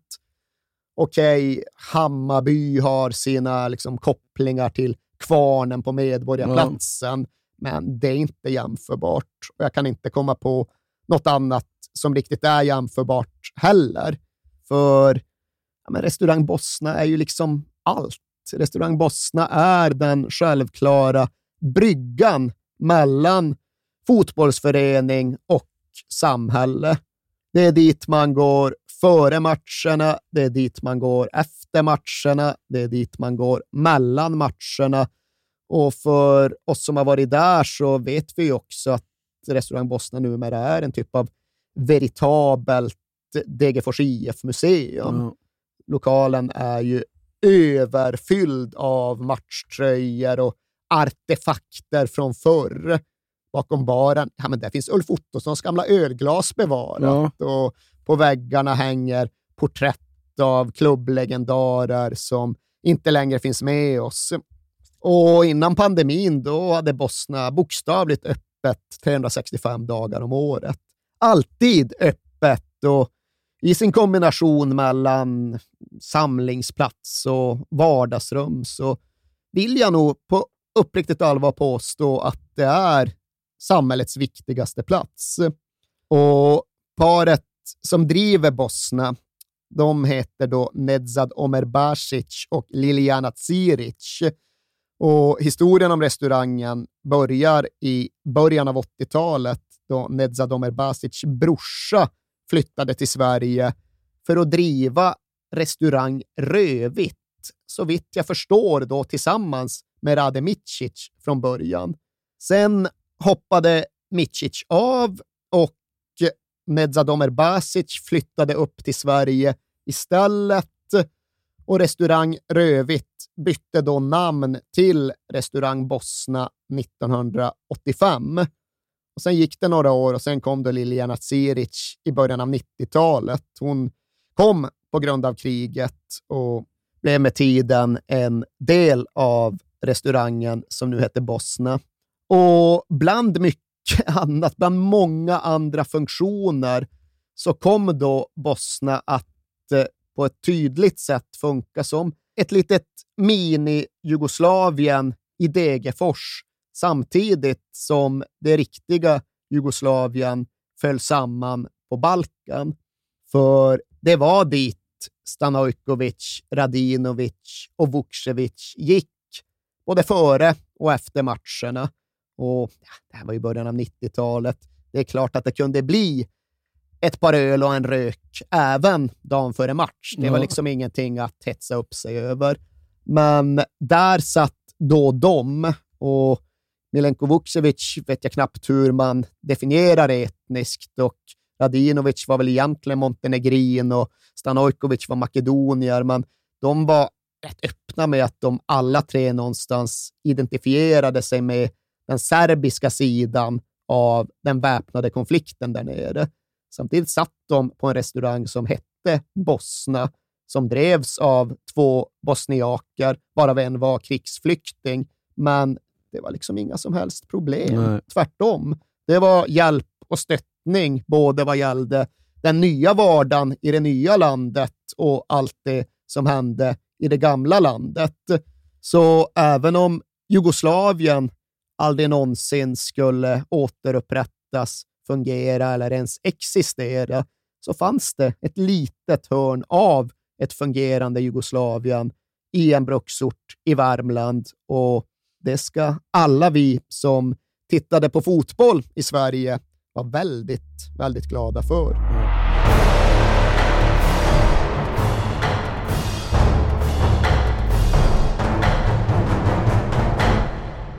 Men Bosnien var ju en central plats även för den nystartade supportorganisationen, va? Ja, verkligen. Bosnien var en central plats för alla, men kanske inte minst då för Vulkanerna, Degerfors nya supporterklubb som officiellt grundats den 24 maj 1993 alltså precis i anslutning till den allsvenska starten, men som hade tagit form parallellt med lagets framgångar på väg upp. Och när jag säger parallellt så gör jag det av en anledning, för Vulkanerna och Degerfors IFs A-lag, det var egentligen liksom folk från samma gäng, Ja. samma bekantskapskrets. Det var definitivt samma tidsandas barn. Dan Fröberg, han spelade i anfallet för Degerfors IF. Hans lillebrorsa var väl en av de absolut mest centrala personerna i grundandet av Vulkanerna. Det var brorsor, kompisar, grannar och det var unga killar som under många år levt ungefär samma liv. De hade spelat i samma fotbollslag också, vissa lite bättre än de andra och de hade gått på samma krogar på kvällarna. Sen var väl det som hände att Sören Kratz då bistert nog tvingade spelarna att kanske inte sluta gå på de där krogarna, men att sköta det på ett lite annat sätt. Ja. Medan vulkanerna körde på på exakt samma sätt som förut, men kanske accelererade det hela lite grann när eh, fotbollen någonstans gick snabbare och snabbare. Det var någon av grundarna som summerade hur vulkanerna förde sig genom att säga att ja, det var väl att vara oborstade, fula i mun, röja och spela på att man var från landet. Ja. Det var liksom grejen med vulkanerna. Här kommer de stökiga jävla bönderna som inte skäms för sig. Och Dan Fröberg drar gärna skrönan om hur det var när de verkligen var på väg upp i allsvenskan och vulkanerna höll på att bli en officiell supportersammanslutning snarare än bara ett gäng packade småbrorsor. Men då det då var någon typ av nyckelmatch mot spårvägen borta. Inte hemmamatchen som slutat med 5-0, utan returen. Och det var jämnt och det var viktigt och Degerfors gjorde ett hyfsat sent mål. Och då stapplar då lillbrorsa Fröberg med anhang in på planen för att ja, det väl ett jubel och någon halvhjärtad pitch invasion och matchen är inte ens i närheten av att vara slut, så efter ett tag måste de ju bort därifrån för att det inte ska bli avbrutet och för att inte resultatet ska bli ogiltigt förklarat. Men de är svåra att få därifrån och liksom Dan Fröberg och de andra spelarna, det är liksom som, att- som att valla motsträviga kor. Och hans lillebrorsa vankar runt där på plan i träskor och går väl lite smått ostadigt, så han tappar ju en träsko. Och börjar Dan Fröberg liksom kasta den efter dem, och driva honom av planen genom att kasta träskon Ja. framför sig. Försvinn, försvinn från planen!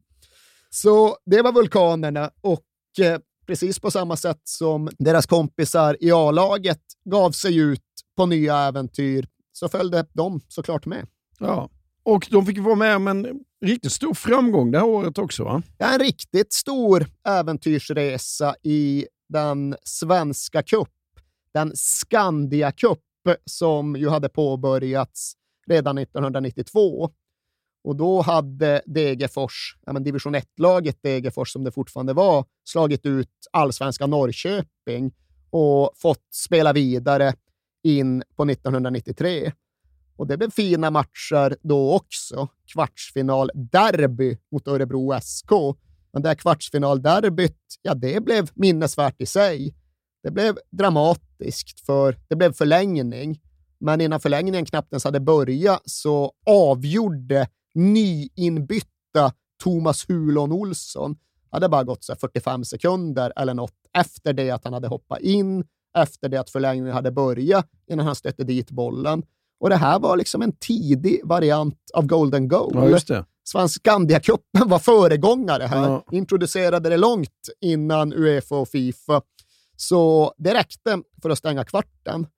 Och sen då semifinal mot Elfsborg, även det hemma på Stora Valla. Detta dagen efter att Istvan Vampetis hade gått bort. Han gick bort dagen före sin 90-årsdag och därmed återigen flaggor på halvstång på Stora Valla. Men även återigen ett snabbt och dramatiskt förlängningsavgörande. Elfsborg hade kämpat fram en förlängning. Christer Mattiasson hade dragit runt och varit vass. Ja. Men när det väl blev förlängning, ja, det tog inte 45 sekunder den här gången, det tog kanske 75 sekunder. Ja. Och sen var Ulf Ottosson där och drog in bollen som gav golden goal och som då alltså gav en cupfinal mot Landskrona Boys i Göteborg. Och Landskrona, det var ändå en historisk association som gav resonans i Degerfors. För i det allsvenska kvalet 1959, då hade Degerfors mött Landskrona och då hade Degerforsarna åkt med chartrat tåg ner till Skåne i tusental och detta skulle nog nu upprepas. Än en gång skulle det chartras tåg för att på så sätt eh, hedra det historiska Landskrona-ekot från förr. Och så blev det också. Vulkanexpressen avgick från Degerfors med destination Göteborg. Och Vulkanexpressen, den svalde fan tusen pers. Ja. Och för 200 spänn så fick du både tur och returbiljett och inträde. Och det är klart att en festlysten vulkan inte säger nej till ett sånt erbjudande. Varför, har du sett bilderna från det? Ja, alltså jag har sett, det finns ju någon så gammal bevarad typ hemma-VHS som följer med på också. perrongen. Ja, vad tog du med dig därifrån? Nej, men jag tyckte det var så, så jävla härligt ut. Vilken dag det måste ha varit för alla som var inblandade i detta. Det, Alltså, man är inte osugen på att i efterhand vara vulkan, spela på liksom kusinerna från landet-grejen, klappra ner till Degerfors station i träskor med ett par kassar bärs i händerna Nej. och sen dra iväg och liksom bonnaröja in en cupfinal i Göteborg. Nej. Det låter som bästa tänkbara day out. ja. Och vilken succé det blev. Ja, på alla sätt. Till och med Vulkanexpressen var ju uppskattad. Ja. De kommer till Göteborg och stan tar emot med öppna famnen. Typ borgmästaren möter upp Ja. på Göteborgs central och överräcker stadens nyckel till eh, lämplig överförfriskad vulkanrepresentant. Ja. Och sen är det kort promenad till Ullevi och ett jävla tryck på ståplats. De har ju sin sektion på långsidan. Landskrona Boys hade också bra följe, men Degerfors är väl någonstans mer visuellt, för den Degerfors-sektionen, ja, den lever fan upp till lilla Italien-stämpeln Ja. redan 93. Bra gung, bra tryck, bra visuellt, liksom starkt rödvitt färgad, så otroligt väl paketerad bortaresa. Men samtidigt som de fästa på långsidans ståplats så fanns ju också det andra närvarande. På kortsidan hängde den där banderollen från förra besöket på Ullevi återigen där. Låt stålverket leva. Ja. Men ja, i alla fall, hur befogat och berättigat det där favoritskapet nu än var, så levde Degerfors upp till det.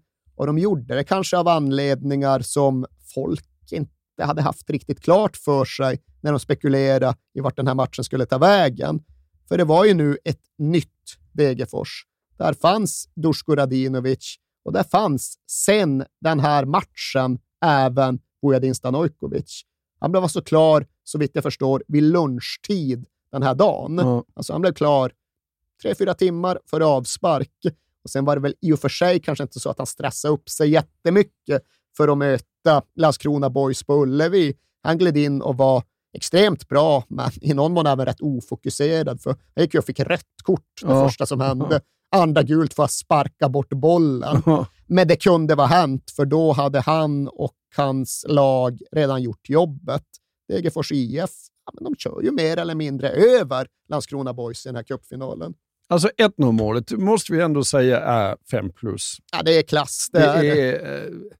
Vuksvik slår en liten nätt yttersida, Ja, distinkt. först slår ju Stanojkovic ett rakt uppspel längs med linjen till Vukcevic. Ja. Det ska vi ha med. Sen slår Vuksvik en distinkt eh, vänster yttersida. Han Ulf- hatade inte att använda yttersidan, Nej. Vukcevic.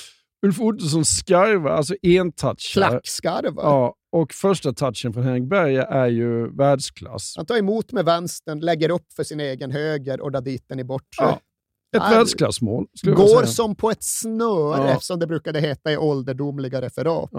Sportnytt inleder inledningsvis med den svenska cupfinalen i fotboll. Gamla Ullevi Göteborg, 5000 åskådare. Degerfors i rött och vitt mot Landskrona Boys. Inget skönt spel i den första halvleken. Men det kommer ett fint anfall när det är tre minuter kvar. Vukcevic, Klack Ottosson och Henrik Berger.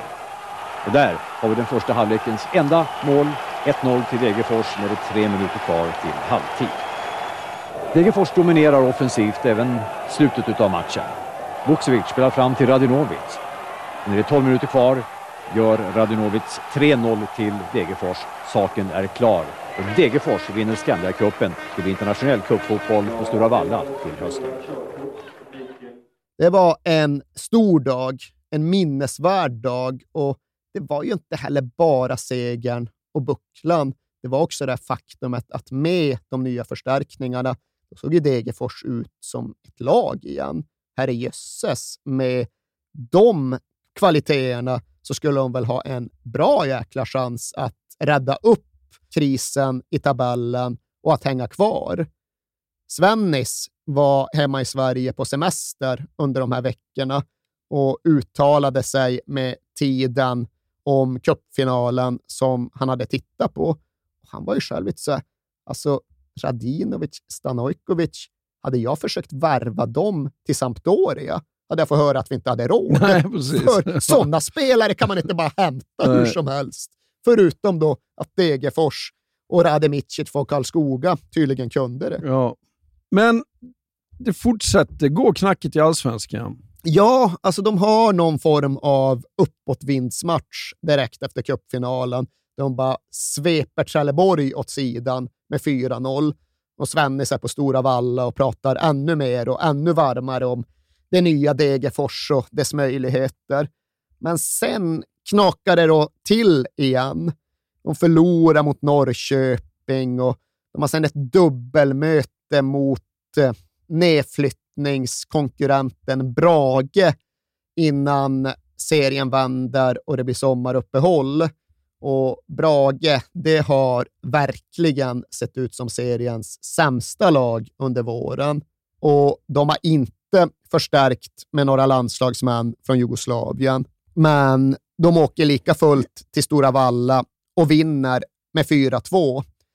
Och då får tydligen Yrjö Toivonen och hans kohorter i styrelsen nog.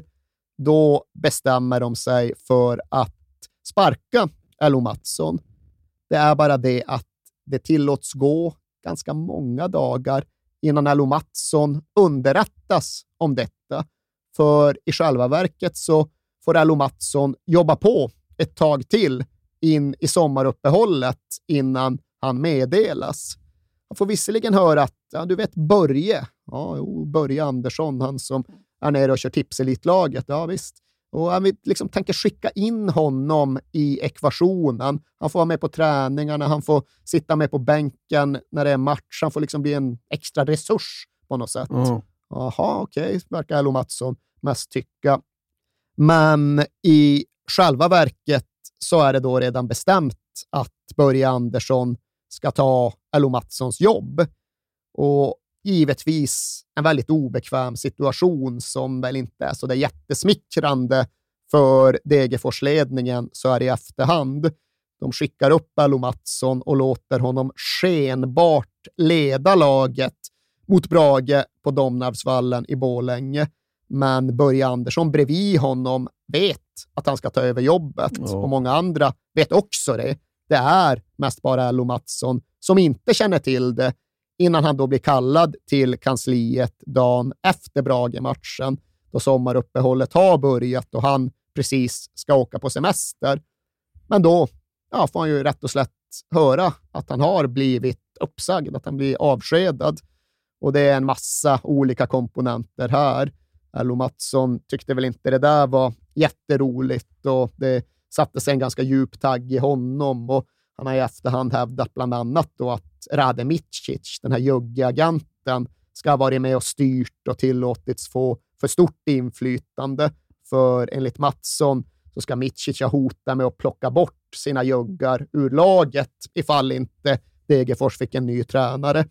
Och det kanske var så och det kanske bidrog, men hur det nu än var så fick Alo Mattsson inte längre leda laget.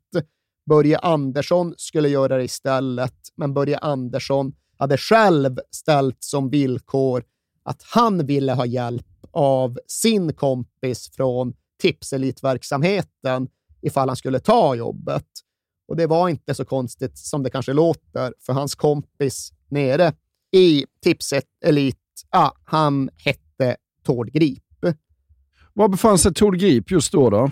Ja, det var en historia för sig, men ingen historia utan bakgrund. Tord Grip var ju då till att börja med i den här kontexten en klubblegendar som tillhörde Degerfors IFs bästa spelare genom tiderna. Han hade varit stjärnan i det sista stora Degerforslaget på 60-talet. Men när han sen flyttade till AIK, det var då DIF åkte ur med buller och bång 1966. Sen kom han ju tillbaka en vända i mitten av 70-talet för att jobba med Svennis när klubben verkligen var på dekis i division 3. Och sen hade han aldrig brutit banden till vare sig förening eller samhälle. Hade kvar sitt hus i Degerfors och gjorde också den väldigt talande manövern som jag ibland brukar använda mig av ifall jag ska liksom förhålla mig till mentaliteten i Degerfors. För som alla vet blev ju Tord Grip en man av den stora pengastinna fotbollsvärlden. Han hamnade i Rom och var med och vann ligan med Lazio. Han följde med till England och var en del av det extremt uppvarvade landslagsmaskineriet när Svennis var förbundskapten. Men varje gång han tog tåget tillbaka till Degerfors, så då bytte han plats precis innan tåget kom fram. Han satt ju begripligt nog i första klass på tåget på väg upp från Stockholm. Men när det var fem tio minuter kvar till Degerfors, då packade han ihop sina grejer och så bröt han upp och så gick han igenom tåget invärtes tills han kom till andra klassvagnarna och därifrån gick han sedan av och ut på perrongen i Degerfors. Du kan inte gå av från första klassvagnen när du kommer till Degerfors. Det funkar bara inte. och det visste Tord Grip. Men i alla fall, här 1993 så hade han än en gång lockats tillbaka till föreningen just för att jobba med talanger tillsammans med Börje Andersson i klubbens tipselitsatsning. Där skulle vi bland annat hitta en ung Olof Mellberg inom kort. Men det var lite svårt att förstå varför han egentligen gjorde det med tanke på att han samtidigt också var assisterande förbundskapten till Tommy Svensson runt det svenska A-landslag som var på väg till VM i USA 1994 och som skulle uträtta en del där. Men sorgligt nog var det så att Tord Grips fru Siv hade gått bort i förtid under precis den här tiden och Tord Grip behövde rätt och slätt något att sysselsätta sig med. Något som gjorde att han kunde slå bort tankarna under alla de tysta och tomma dagar och veckor och månader som kunde gå mellan landslagssamlingarna. Och Det var därför han hade hoppat på den här grejen med Börje Andersson. Det var därför han gick från att träna Thomas Brolin och Jonas Tern i A-landslaget ena dagen till att träna 16-åringar i Stora Halla dag två. Men när det nu uppstod en vakans, eller vad vi nu ska säga, som A-lagstränare för Degerfors, ja, då lät Tord Grip till att börja med Börje Andersson veta att han tyckte att han borde steppa upp och ta den. Och Börje Andersson lät i sin tur Tord Grip veta att han nog egentligen bara tänkte göra det ifall Grip också följde med. Och det var så det fick bli. Grip fortsatte dubbeljobba, men nu med ännu större intensitet. Nu var det inte ungdomsträningar han skulle prioritera när han kom hastande från landslaget, utan nu kom han till flygplatsen i Örebro efter någon bortalandskamp och så viftade han med en servett när han gick av planet, för på den servetten hade han suttit och ritat upp Degerfors taktik inför kommande allsvenska matcher. Och kanske var det just på den servetten som han knäckte gåtan, som han hittade fram till nyckeln som någonstans skulle ge Degerfors deras framgångshöst. Men sen gör de väl en taktisk korrigering kan man väl säga? Exakt. Kanske var det det då som Tord Grip ritade upp på sina flygplansservetter. Men det de gör och det som Tord Grip absolut har fått äran som den ansvariga för, det är att de går över till ett sätt att spela, en formation som de allra flesta trodde hörde den svenska fotbollshistorien till. För det Tord Grip föreslår och genomför, det är att Degerfors ja, men rätt och slätt ska ta Dusko Radinovic från innermittfältet och flytta bak honom som libero. Och det är det som sker. Det är egentligen inga fler förändringar eller korrigeringar i uppställningen. Det är inte så att andra positioner också förflyttas, utan Grip tar en innermittfältare, lyfter honom bak i planen, bakom den egna fyrbackslinjen och ställer ner honom där. Och det gör hela skillnaden. Dusko Radinovic blir bättre som libero än han har varit som innermittfältare, men framför allt så ger det en stadga och en trygghet som hela laget kan luta sig mot och vila mot under resten av säsongen. Och det ger utdelning så gott som direkt, för i mitten av augusti så har Degerfors en hemmamatch mot Helsingborgs IF. Henkes eh, Ja, exakt. Nu ska Ja. det bli en shootout mellan två unga, uppskrivna svenska anfallare. Och det ska ju sägas att Henke får den bästa starten, för han skarvar in 1-0 för Helsingborg. Han har just skrivit på för Feyenoord, så han är väl på en bra plats i livet. Men ja, det är inte Degerfors, för ska det bli ytterligare en sån match nu? Det här nya experimentet med Liber, ja, det förhindrar tydligen inte att Henk Larsson skarvar in bollar på fasta situationer, så vad ska det vara bra för? Här skulle jag säga att hela Degerfors säsong absolut, absolut står och väger. Men då tar ju Ulf Ottosson tag i händelserna på ett häpnadsväckande sätt. Ulf Ottosson har inte haft någon stor säsong så här långt. Han har gjort något enstaka mål, men inte alls kommit igång efter hela kontraktshärvan. Och I Degerfors har man alltid förväntat sig att Otto gör minst ett mål per match, oavsett motstånd. Men så har det verkligen inte funkat i allsvenskan.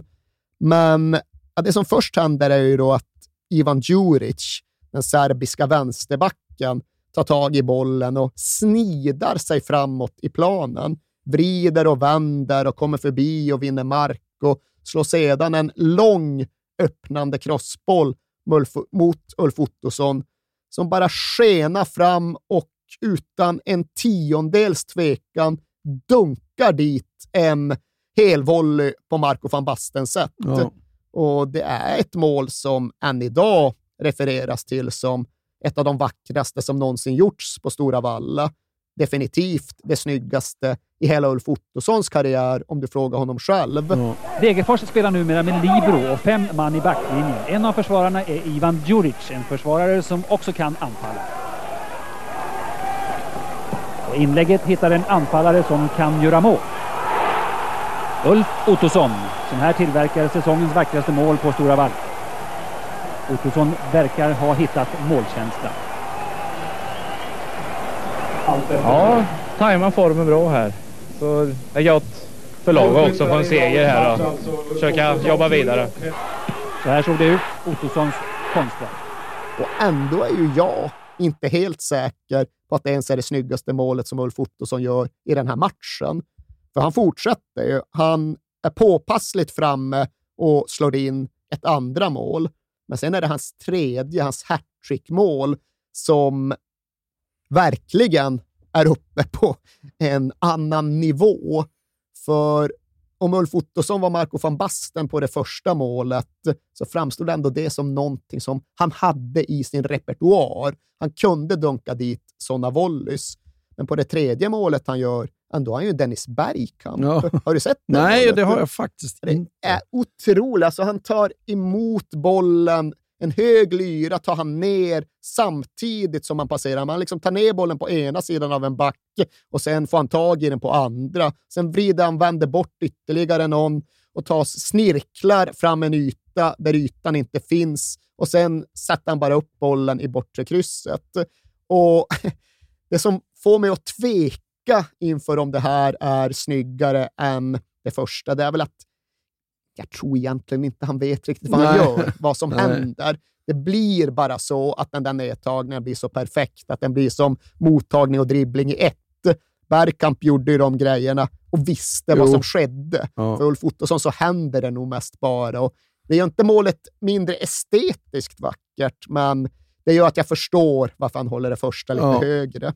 Men oavsett vilket, matchen slutar 4-2. Det spelar liksom ingen roll att Henke Larsson får in en reducering, utan han har förlorat både fotbollsmatchen och skyttekungsduellen. Han blir så arg att han sparkar in dörren vid materialboa, Ja. meddelar folket i Degerfors. Ja. Men eh, skyttekungarnas kamp var ju såklart ändå något underordnat. Det stora var att Degerfors, Tord Grip och Börje Degerfors, Dusko Radinovic som libero Degerfors, plötsligt kom med ett riktigt styrkebesked. Kanske visste de där nya tränarna vad de höll på med ändå, för ifall den radikala förändringen kan ge så här dramatisk effekt, ja då borde det väl ändå kunna lyfta. Och i samband med den här matchen så är det också som att spelargruppen bestämmer sig för att ja, men nu måste vi lägga allt käbbel och alla känslor bakom oss. Visst, det var mycket kring tränarbytet och har kanske varit en del internt i omklädningsrummet också, men nu gäller det att sluta leden och se framåt. Christer Hårding Eriksson gör en intervju efter matchen där han förkunnar att det har varit citat mycket chatt där, men nu hade de minsann tagit varandra i hand. Och det utstrålades en ny enighet. Det utstrålades en vilja att inte bara lägga hela tränarbytet bakom sig, utan även att försöka komma bort från de här skandalerna och fokusera på fotbollen på ett sätt som de dittills inte hade klarat av. Och som alltid så var Ulf Ottosson i blickfånget. Han var i blickfånget när det gick dåligt och han var såklart även i blickfånget nu när det gick bra. Och flera runt honom i Degerfors menade att jo, men nu kommer det ordna sig, för nu är Otto på plats igen. Nu är Otto fokuserad, nu är Otto glad. Jaha, vadå då? Han har ju träffat en ny tjej, va? Ja. Anette Aronsson, 25 år. Ja. Hon kommer se till så att det här ordnar sig. Ja. Omedelbart efter Victorian mot Helsingborg så åker Degerfors ner till Malmö och vinner. Ja. De vinner med 1-0, enda bortamatch de vinner på hela året i allsvenskan. Men helt plötsligt så får de ihop en förlustfri svit på fyra matcher där de tidigare knappt lyckats ta en enda poäng. Ja.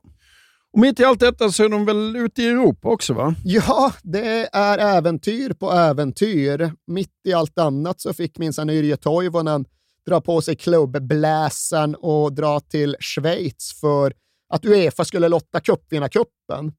Och den lottningen förkunnade då att Degerfors stod inför ett osannolikt möte mot den italienska toppklubben Parma ifall de bara mäktade med att först ta sig förbi den maltesiska lilleputten Slema Wanderers. Och det behöver vi inte bygga upp och dramatisera överhuvudtaget, utan Degerfors städade av Slema Wanderers programenligt. Men några dagar innan de ska möta Parma så spelar de en, vad ska vi säga, ett ödesdigert derby hemma mot Örebro. Ja, det är den 11 september av alla datum och det är allt ingen överdrift att påstå att just den här specifika matchen, ja, det är ett av de allra mest infekterade derbymöten vi någonsin sett inom svensk fotboll. Och det måste ju till en början förklaras genom ett redogörande för den djupa antagonism som finns mellan de här två samhällena. Eller det är egentligen för det finns ingen starkare antagonism från Örebro mot Degerfors. har egentligen aldrig funnits. Men det finns en innerlig fientlighet från Degerfors i riktning mot Örebro. Och mycket av det kommer väl sig ur det här administrativa faktumet att Degerfors som samhälle någonstans mot sin uttryckliga vilja tvingas tillhöra Örebro län. Ja. Tvingas vara underordnat centralorten Örebro, trots att de på intet sätt vill identifiera sig med eller ens kännas vid Örebro. För Degerfors och folket som bor där, de är ju väldigt resolut värmländska. Ja. De har liksom ingen koppling så långt österut som till Örebro i Närke. Ja, och det blir ju ett skandalderby. Ja, det blir ett sjöslag av sällan skådade mått. Och det är en bit in i andra halvlek som det tar fart. Och det första som piskar upp känslor på Stora Valla, det är att Milenko Vucevic eh, tar sig i, han utmanar, avancerar in i ÖSK straffområde, går emellan två motståndare och faller slash fälls. Vill ha straff, får ingen straff. Vet inte om du har sett det? Vet inte om du har åsikt? Straff.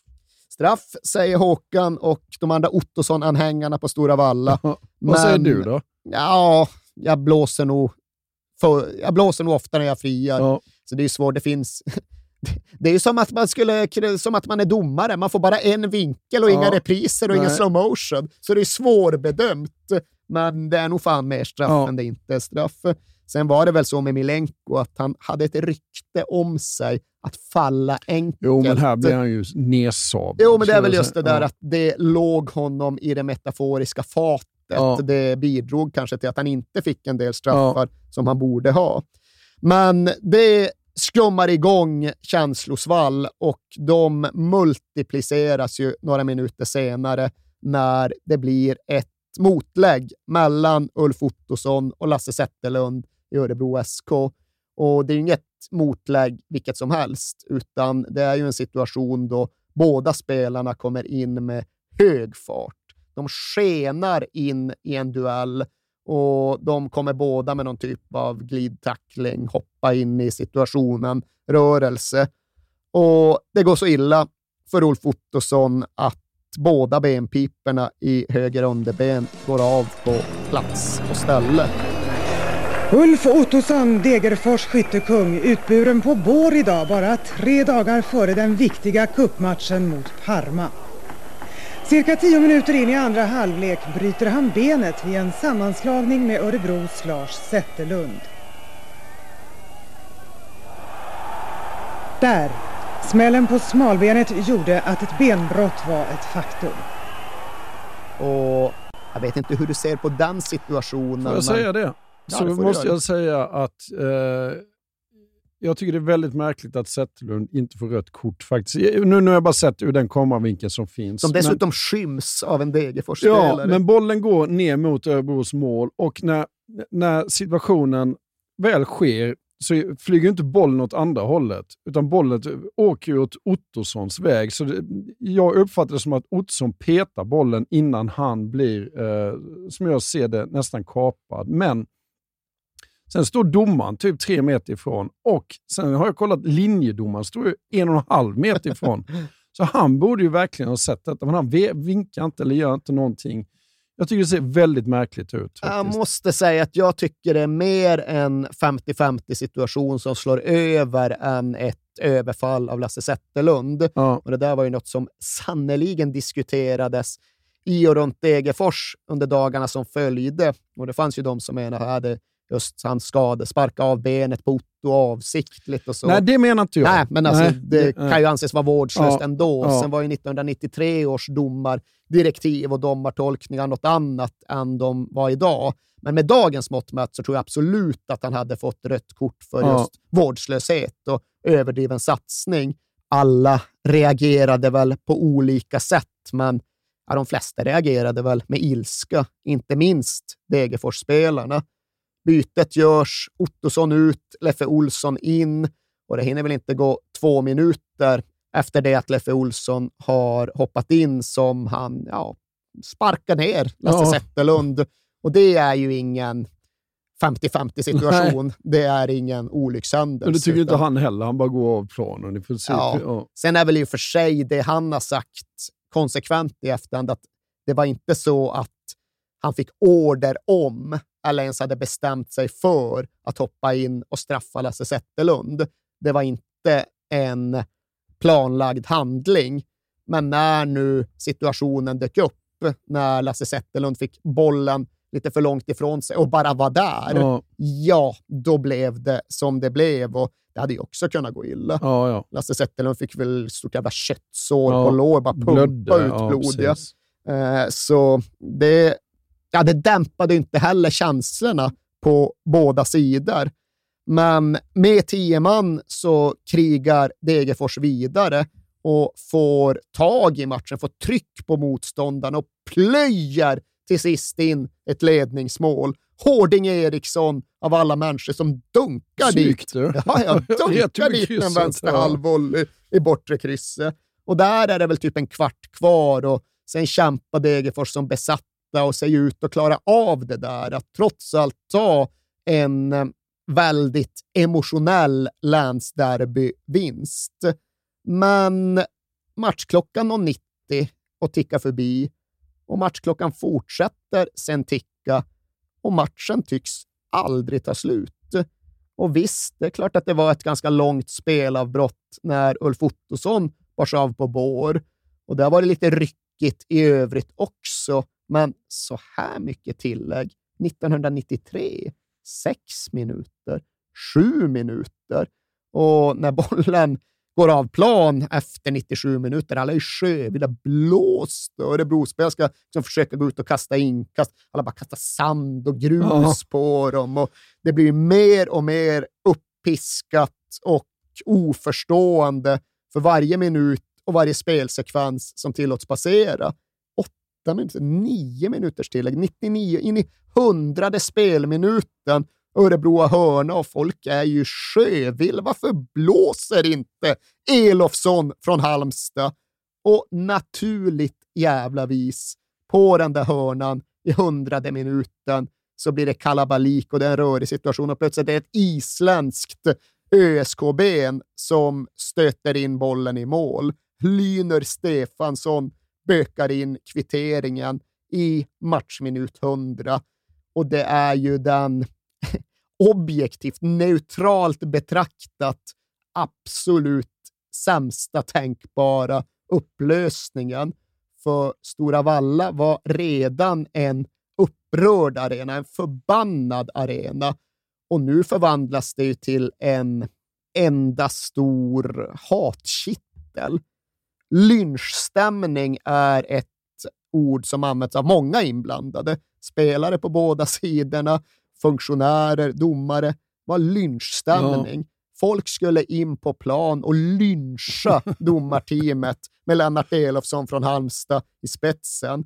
De har fått sparka av benet på Otto och de har inte givit någon straff för Milenko och de har lagt till så mycket tid så att det inte fanns någon rim och reson i det hela. Och de tänkte minsann spela ända tills örebroarna fick göra mål mot tio man. Och jag var ju tyvärr inte där själv, men de som var det vittnar ju om en hotfullhet som var direkt obehaglig, direkt skrämmande och som kunde ta vägen precis vart som helst. Och i det läget sker ju sen det då som i sanning har upprepats både 12 och 14 gånger, men som upprepas av en anledning.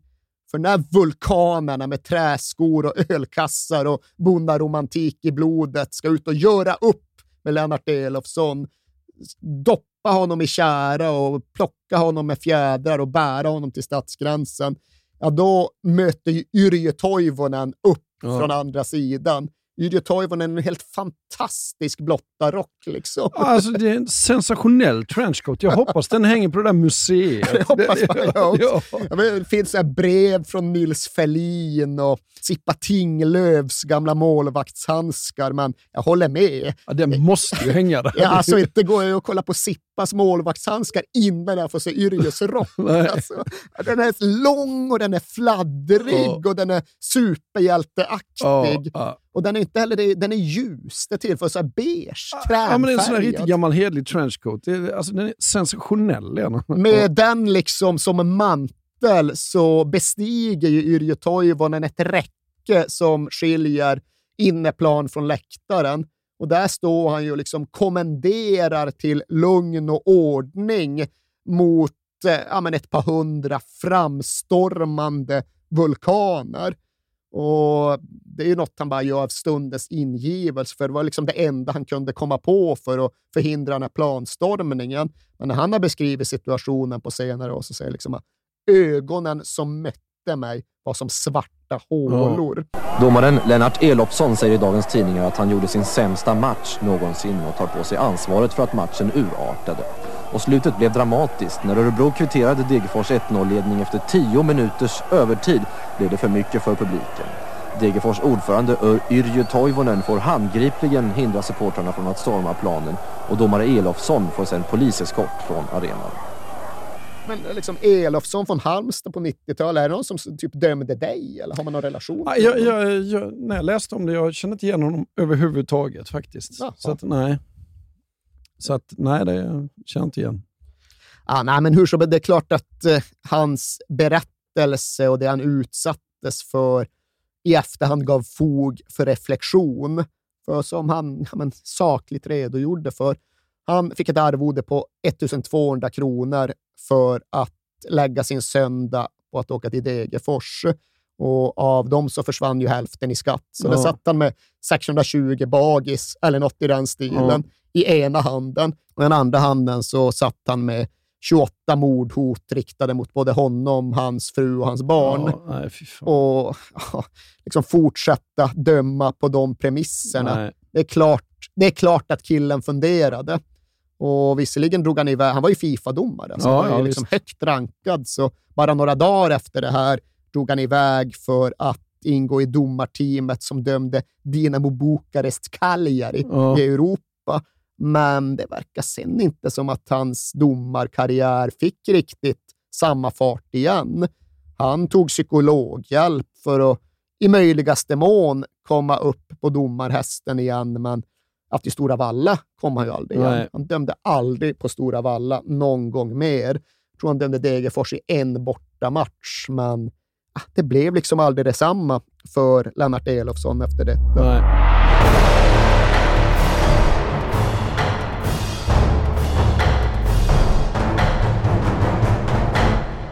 Men du, det är bara några dagar innan det är dags för festdagen när Parma kommer va? Ja, det var från det ena till det andra och det är klart att eh, uppladdningen till Degerfors största stund påverkades av att det just bara var tre dagar mellan skandalderbyt mot Örebro och cupvinnarcuppartyt mot Parma.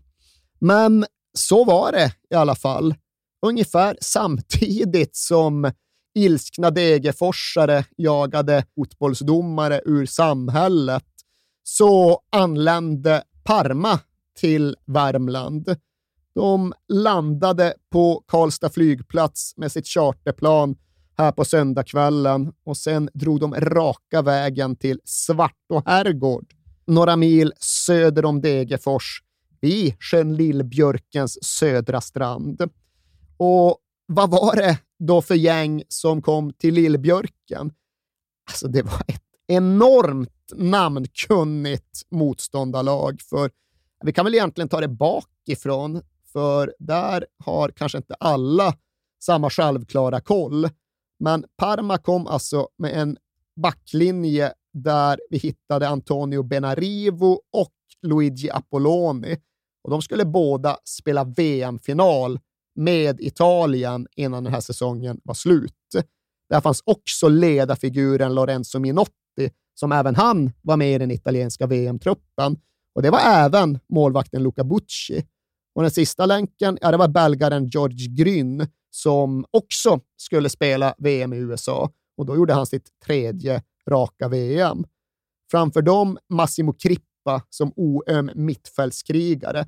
Han hade ju varit nere i Neapel och vunnit Serie A med Napoli och Maradona. Ja. Och sen då framför alla dessa stora namn en helt otrolig anfallskvartett. Ja. Sylvasse målsprutan Alessandro Melli, Gianfranco Sola, ny från Napoli med tian på ryggen, och så då Faustino Aspria, Aspria som återvände till Europa i samband med den här matchen, för han hade varit på äventyr hemma i Sydamerika och bland annat då gjort två mål när Colombia tog den här klassiska 5-0-segern mot Argentina i deras VM-kval.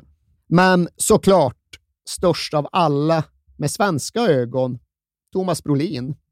Och alla ville ju höra hur han såg på den här matchen och den här upplevelsen med sina lagkamrater nere vid Lillbjörkens södra strand. Men det fick vi inte höra, för Thomas Brolin pratade överhuvudtaget inte med svensk media i anslutning till de här matcherna. Varför gjorde han inte det?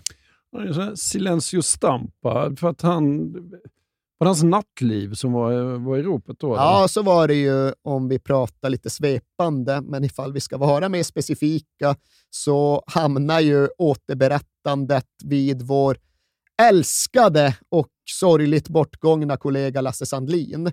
Lasse Sandlin stod i centrum Jaha, för hela den här snurran. Ja, ja. Och det, alltså, vi minns ju honom som världens vänaste, snällaste och mest godmodiga man. Verkligen. Men jag har ju förstått så här lite i efterhand att på 1990-talet han var rätt mycket mer av en slugger än vad jag någonsin uppfattade jag, honom. Nej. nej, så det var ju det. Thomas Brolin var sur på Lasse Sandlin och det var han för att Sandy hade problematiserat att Brolin-polaren Mats Sundin så enkelt kunde precisera vad som var Brolins favoritdrink, en åtta vodka med juice. Jaha. Och det antydde då Sandy kunde ha att göra med att Brolin kanske var lite väl ofta ute i nattvimlet och drack lite väl många brolinare ja. än åtta vodka med juice. Dessutom tyckte han att ja, som konsekvens av detta så borde nog fan Tommy Svensson och Tord Grip peta Thomas Brolin ur landslaget och istället satsa på Jonny Ekström in mot VM i USA 94. Ja. Och de här olika omdömena landade väl inte särskilt väl något av dem. Mm. Det var nog ganska rätt att vi inte satsade på Jonny Ekström i VM 94. Och därtill så tog inte Thomas Brolin de där gliringarna om hans åttervodka med juice särskilt väl överhuvudtaget. Mm. Så han bojkottade all svensk press som konsekvens av de där skrivelserna. Och det är ju kul som kvällstidningsjournalist att följa rapporteringen runt allt detta. För när inte Brolin snackade, då blev det ju Lasse Sandlin som hamnade i någon form av skottlinje istället. Ja. Vad har du nu ställt till med, ja. Lasse? Det var exakt en sån formulering i TTs text. Alltså, tidningarnas telegrambyrå.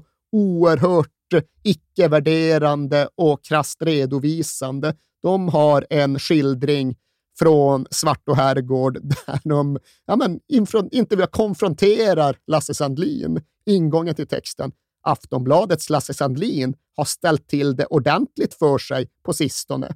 Så han hade jobbigt, jobbigt på presskonferensen också tycks det, för där sitter Parmas tränare Nevio Scala och är liksom som en sårad pappa. Hur kan man säga sånt här om min Thomas? Ja.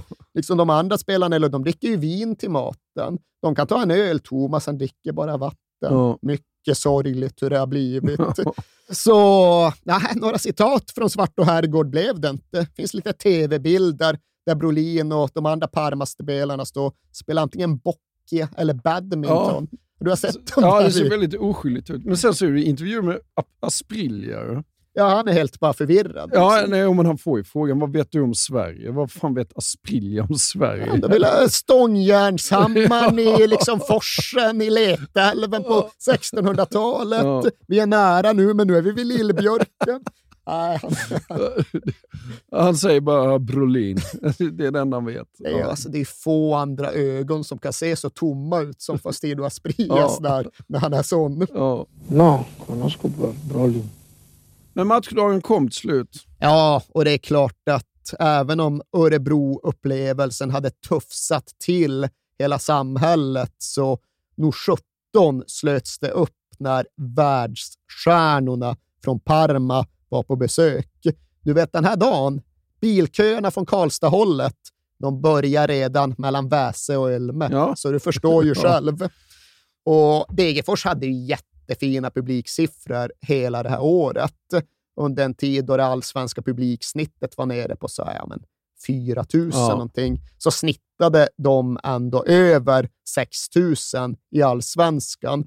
Och det här skulle ju bli ytterligare ett par nivåer.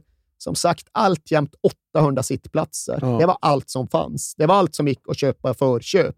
Resten skulle lösas på ståplats vid vändkorsen. Och det gick så där för biljettmaskinen. Jag vet inte fan vad biljettmaskinen egentligen syftar på, men biljettmaskinen gick sönder när de hade släppt in 8000 åskådare. Och sen fick Yrjö Toivonen och de andra liksom fatta ett beslut om hur det skulle påverka dem. Skulle de sluta släppa in och säga att de inte längre hade kontroll över insläppen och liksom lägga upp en lapp på lucka redan vid 8000? Eller skulle de låtsas som att det regnade, släppa in så många som nu var där och sen bara hitta på en officiell publiksiffra? Ja. Yrjö Toivonen, de andra, väljer alternativ två. Ja. Släppa in hur många som nu än vill komma dit. Och jag tror att eh, de hade liksom säkerhetsföreskrifter hängande över sig som innebar att de max fick släppa in 10 och ett halvt eller något Ja. i den stilen. Så de skrev ner den officiella publiksiffran till 10 400. Men Yrjö säger ju än idag att ja, 13 000 var det ju Ja. lätt där inne i Ja. alla fall. Det kan ha varit ännu fler, det kan ha varit några färre, men vi vet inte. Nej.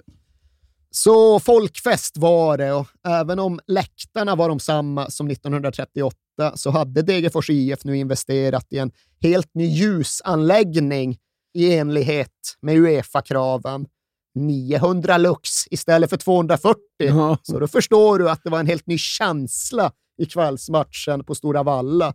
Nu var det de starka strålkastarna som sken på dem och Thomas Brolin må ha varit förbannad på Lasse Sandlin och på svensk press, men han möttes av jubel när han sprang in på Stora Valla. Här var han, trots fiendefärger, bland vänner. Ja. Men det som sen känns, det kändes trist och det känns kanske ännu lite tråkigare idag, det var ju att Degerfors inte fick spela den här matchen med något som ens påminde om ordinarie lag. För Ulf Ottosson, han låg på ortopeden i Karlskoga. Hårding Eriksson, han hade lyckats dra på sig dubbla gula kort mot Slema Wanderers, Ja. så han var avstängd. Ivan Djuric var skadad. Dan Fröberg fick gå ut i början av andra halvlek och redan där var ju nästan halva den ordinarie elvan borta. Ja. Men lika fullt så stred ju DIF som lejon. De slet och de kämpade och de spelade och de höll ju matchbilden väl uppe mot Parma ja, men en bra lång bit in i andra halvlek. Och här är vi ju då framme vid den 73 minuten och vid en Henrik Berger som aldrig verkade kunna sluta göra viktiga mål och som aldrig verkade kunna sluta och ha lite tur med avgörande situationer. För som vi nämnde tidigare så hade det varit två bollar inne på plan precis innan han satte det där avgörande målet mot Djurgården. Och här blir det en situation där han av lite oklar anledning får slå om en hörna utan att någon riktigt förstod varför. Och på det andra försöket så slår han ju en rätt hårt skruvad hörna mot den främre stolpen och ingen på Stora Valla eller framför tv-apparaterna kan ju tro sina ögon när den faktiskt singlar raka vägen in i mål. Och Degerfors leder med 1-0 mot Parma. Hörnan blåses om. Därför att eh, det var väl Sola som stod där. Sola har stått för nära. Hörnläggaren. Där är bollen i mål! Och det är mål! Nästan direkt på hörnan. Av Berger. Henrik Berger.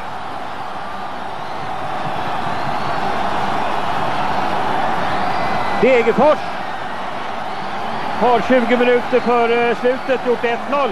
Det där målet som vi har suttit och pratat om och längtat om och sagt att det behövdes inför returen för att göra den meningsfull. Det är så jag kan se ingen som kommer åt den här bollen på allvar. Möjligen att en vit eh, snubbe snuddar vid den. Men absolut ingen Degerforsare. Jag tycker nog det är riktigt att kreditera Henrik Berger för detta mål. Men så skulle vi ju då tyvärr inte få skriva historien, för fotbollsguden tyckte tydligen inte att det räckte med skador för Degerfors riktigt än, utan i den 82 minuten ser han till att liberon Dusko Radinovic får en rejäl jäkla smäll på vaden. Och det låter inte så farligt, men själv säger han att det var helt fasansfullt. Det var något med den där smällen som var värre än något han någonsin upplevt tidigare. Han fick så oerhört ont, ont som han inte hade haft hela sitt liv och var såklart tvungen att bryta matchen. Och här ska det sägas att Dusko Radinovic hade varit outstanding mm. i den här matchen. Dels hade han liksom likt en annan Beckenbauer givit sig ut på en rad offensiva utflykter. Han hade liksom svept förbi den ena vita snubben efter den andra och därtill så hade han stagat upp hela Degerfors-försvaret på ett extremt förtroendeingivande sätt. Inför matchen hade Tord Grip pratat med honom om att du måste nog ha liksom ett extra öga på den här Spria, för han kommer med fart i benen från Colombia och han kommer vi ha svårt att få stopp på. Och Radinovic bara ryckte bara, ah, no problem, no problem, det, jag har honom. Och han levde upp till alla sina ord under matchens första 80 minuter. Han stod rätt, han stod tryggt, han eh, tacklade när han behövde tackla, men mest så stod han bara liksom och avstyrde allt Parma hade att komma med. Och ifall man tvivlar på hans prestation och hans betydelse, ja, då behöver man bara jämföra matchen mellan hur den såg ut när han spelade och hur den såg ut när han gick ut. För under 82 minuter, ja, det hade ju då Parma i praktiken inte skapat någonting. Definitivt inte bakom Degerfors backlinje. Men nu är det knappt tio kvar och det är som att hemmalagets försvar bara upphör att existera. Det är som att det helt försvinner och då gör Faustino Aspria sina grejer. Det första målet är ju extrem jäkla klass. Ja, ja, ja. Han liksom bara flyter, han vänder förbi en försvarare och flyter förbi ett par till och dunkar dit bollen i nättaket från straffområdeslinjen. Men sen hinner det inte ens gå en minut innan de släpper iväg honom på djupet igen och då tunnlar han Mats Johansson och så är ju kvällen resultatmässigt definitivt förstörd. Sen går det liksom en minut igen och sen släpper de iväg Aspia på djupet ytterligare en gång och han är helt fri med Mats Johansson och ska bara springa med ett fyra minuters hattrick. Ja. Men då är faktiskt Johansson en jävla sidledsförflyttning och parad, så då avstyr han det totala raset. Men absolut var det så att 1-0 blev 1-2 när Dusko Radinovic tvingades avbryta matchen. Hade han varit kvar hade Degerfors i alla fall inte förlorat. Nej. Kanske hade det blivit kryss, men förmodligen hade de vunnit. Och i så fall, ja, vem vet? Nej. Returen då? Ja, nu blir det så att returen blir mer en typ av turistutflykt Ja. än en faktisk fotbollsmatch. Och det må väl vara hänt. Det är väl ganska begripligt att de ville angripa resan på det sättet, för Degerfors åkte ner med en gigantisk delegation för att vara den klubben. Det var 40-50 pers, alla var med. Liksom. Styrelsefolk och skadade spelare och redaktören för programbladet. Och även om de kanske sa annat utåt så blev det tydligt för de som var med att de var inte nere för att vinna och vända, Nej. utan de var nere för att supa in och uppleva. Ja. Och Tord Grip kunde inte riktigt dölja det faktumet när han pratade. Han sa att ja, när man kommer ut med det svenska landslaget på sådana här resor, då ligger spelarna mest bara på rummet för att se till att få vila så mycket som möjligt. Men i det här gänget möter man en helt annan sorts entusiasm. Många är oerhört nyfikna på omgivningarna, på stan, på arenorna, ja, ja på allt faktiskt. Ja. Och som sagt, det är inte svårt att förstå det. Det är klart att alla vill ta tillfället i akt och uppleva den där grejen. Vet du förresten vem som var Degerfors maskot på den här bortamatchen mot Parma? Kan, var det Ola Toivonen? Klart att det ja. Det gäller att ta vara Ja. på upplevelserna och möjligheterna. Men matchen blev ju sen inget ras, ingen katastrof, men Parma lyckas göra 1-0 tidigt i matchen Ja. och sen är det såklart ännu mer avgjort. Och därtill passar Thomas Brolin på att sätta en svensk, en blågul punkt för det här cupierna cupmötet och det var liksom ingen som mäktade med att säga så värst mycket om den saken. Nej. Det var väl vad det var. Det var Ja. okej.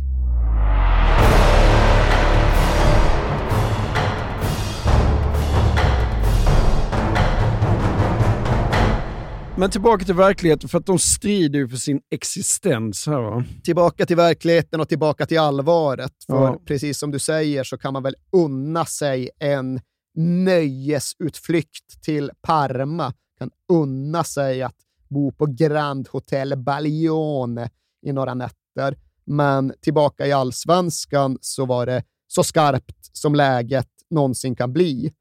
Kanske blev Degerfors lite distraherade av, för den delen, Örebro-matchen, men sen även Parma-fighterna, för under den perioden så är det tre raka förluster i allsvenskan och tillbaka ner under nedflyttningsstrecket. Sen tar de en viktig seger hemma mot Frölunda, men inför allsvenskans allra sista omgång, då låg Degerfors på kvalplats enbart tack vare att Örebro, lite från ingenstans, hade gått och slagit bottenkonkurrenten Örgryte. Och det medförde ju att Degerfors faktiskt fortfarande hade allt i egna händer. Men de mötte ett IFK Norrköping på Stora Valla som teoretiskt sett fortfarande hade chans på SM-guldet. Så läget var prekärt. Läget var utsatt. Men Degerfors svarar upp. De pressar fram en seger. Dan Fröberg, han de kallade Snål-Ove, gjorde matchens enda mål med drygt tio minuter kvar och Degerfors hänger därmed sig själva kvar på kvalplatsen. Men vi väljer att inte bereda så stort utrymme till den där Norrköpingsmatchen just för att det återstod ett hinder. Samma dubbelmatchkval som de själva hade klarat av året före skulle nog upprepas. Men nu var det inte Djurgårdens IF som var vana vid allsvenskt spel, utan nu var det IFK Hässleholm som hade möjligheten att gå upp i allsvenskan för allra första gången i föreningens historia och som därmed såklart kom in i dubbelmötet med sina drömmar och sin energi. Och de börjar hemma på Stora Valla. De börjar hemma på Stora Valla och i och för det första har de en del administrativt att lösa och ta hand om, för väldigt många spelarkontrakt var skrivna till sista oktober, till allsvenskans slut. Och nu var de plötsligt inne i november. Jäklar, nu måste vi lösa korttidsavtal med alla berörda. Och vissa var väl enklare än andra. Milenko Vukcevic var lite lurigt, för han hade liksom gjort 12 mål från mittfältet Ja. i sin första allsvenska säsong. Han var intressant och attraktiv och han skulle omedelbart efter kvalmatcherna dra ner till Tyskland och provspela för den bortglömda kultklubben Tennis Borussia Berlin. Så det var inte alls självklart att han skulle spela de där kvalmatcherna, men till sist kom de överens och lyckades lösa det. Till sist var det inte så dyrt, utan det räckte med 20 000 kronor och försäkringsavgift för att Vukcevic skulle komma till start. Ja. Och Det kan ha varit värt långt mycket mer än så, för Degerfors får en okej okay start på kvalmatcherna. De vinner hemma mot Hässleholm efter mål av Henrik Berger och Vujadin Stanojkovic, men de vinner bara med 2-1. De tillåter Hässleholms målspruta Percy Olsson att kvittera mellan sina egna mål. Och Det innebär ju just det där 2-1-läget, det statistiskt allra jämnaste utgångsläget som finns i ett dubbelmöte. Det vet man genom den internationella fotbollshistorien att blir det 2-1 till hemmalaget i första mötet, då är det i praktiken exakt 50-50 läge inför returen. Och hur blir returen? Jo, det blir en, ja, men till att börja med en folkfest, en folkvandring. Det är allhelgonahelgen och Hässleholm kokar ju av en fotbollsfeber som aldrig skådats, vare sig förr eller senare. kommer 8 500 till Österås IP.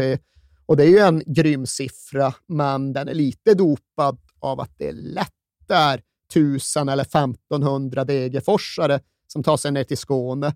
Återigen är det Vulkanexpressen som dammas av och parallellresan till kvalet mot Landskrona 59.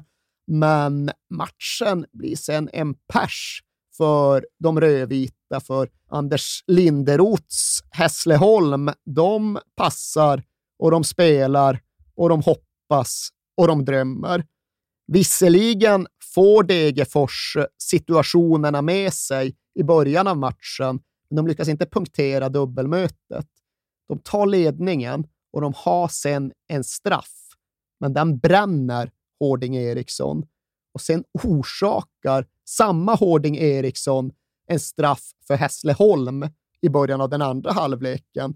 Och helt plötsligt är det 1-1 i den enskilda matchen. Ett enda mål ifrån utjämning och förlängning. Och nu är det där på ribban. Och nu är det blickar mot domare Karl-Erik Nilsson, idag Ja. Fotbollförbundets ordförande. Och nu är det en och annan Degerforsare som svettas rätt bra. Mest av alla då förmodligen Hårding som erkänner att han liksom inte kan slå de där tankarna ur huvudet. Missa en straff, kosta en annan straff. Om Degerfors åker ur allsvenskan på detta kan jag aldrig mer visa mig i Nej. samhället. Men trots en del spel, trots en del lägen, så blir Hässleholm aldrig riktigt spetsiga i den här slutforceringen. De letar och de söker, men de hittar inte sin skyttekung, Percy Olsson, som gjorde mål på Stora Valla och som har vräkt in mål hela året. Vart är han? Varför spelar han inte? Varför deltar han inte? Ja, tusan vet, men istället för att Percy Olsson ska skjuta Hässleholm till förlängning så kan Leffe Olsson stånga in ett avgörande mål i matchens slutfas. Och för Degerfors är kontraktet säkrat och för Hässleholm återstår mest bara besvikelsen och frågorna. Vad vad var det som inte stämde? Vad, vad hände? Vart var Percy Olsson? Jag vet inte, har du liksom läst, läst in det på svaret på de frågorna? Nej, men om jag inte minns helt fel nu, jag tänker hela tiden Percy Nilsson, jag tänker Percy Olsson, men han, var inte- han är fyllecell på något vis. Det var exakt vad som skedde. För som sagt, Percy Olsson, klart största stjärnan och bästa spelaren i ett Hässleholm som hade möjligheten att för första gången någonsin nå allsvenskan. Hur laddar man upp inför en sån situation? Ja, Det finns flera svar på den frågan. Percy Olsson hade sitt för några dagar före matchen. Då bestämmer Percy Olsson att han ska möta upp någon gammal barndomskompis som nu var tillbaka i Sverige efter någon märklig utflykt till Venezuela. Han skulle... Det är så detaljerat. Ja, förlåt. Ja. Ja, de skulle summera läget, de skulle gå ut och käka och kanske ta en bärs eller max två. Och vad fan, de gick ut och käka, tog en bärs eller två och sen kände de att det var trevligt detta. Ja. Liksom. Kvällen kan väl inte redan vara slut? Nej, men ta en snabb till rackare på nästa ställe. Så vidare till en annan pub och som Percy Olsson själv återberättar, grabbarna där gillade fotboll, så de blev rätt glada när jag kom. Jaha, vad ledde den här glädjen till då, Percy? Jo, vi blev bjudna på ubåtar som inte var av denna värld. Och här hävdar ju för sig Percy Olsson att han inte riktigt fattade hur stark en ubåt egentligen kunde vara. Och en ubåt då för de oinvigda, det är Ja, det är väl när du sänker en, ett Jägermeisterglas i en öl, va? Ja, exakt så.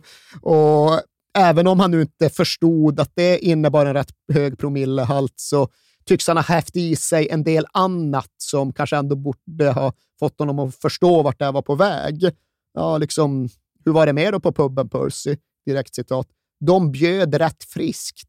Det var turkisk peppar, violer och alla jävla smaker. Ja. Och det är klart, har man dragit i sig några ubåtar, någon turkisk pepparshot, någon violshot, några till. Det händer grejer, Percy. Ja.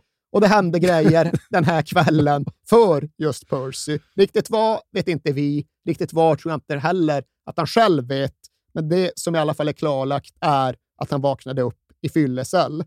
Och eftermiddagen därpå så var det tydligen träning och IFK Hässleholm hade liksom en typ av lagmöte där spelarna gemensamt bestämde att de inte skulle säga någonting till tränaren Anders Linderoth, för de trodde med rätta att han förmodligen skulle bli så jävla förbannad att han bara skulle säga upp sig och dra på studs. Ja.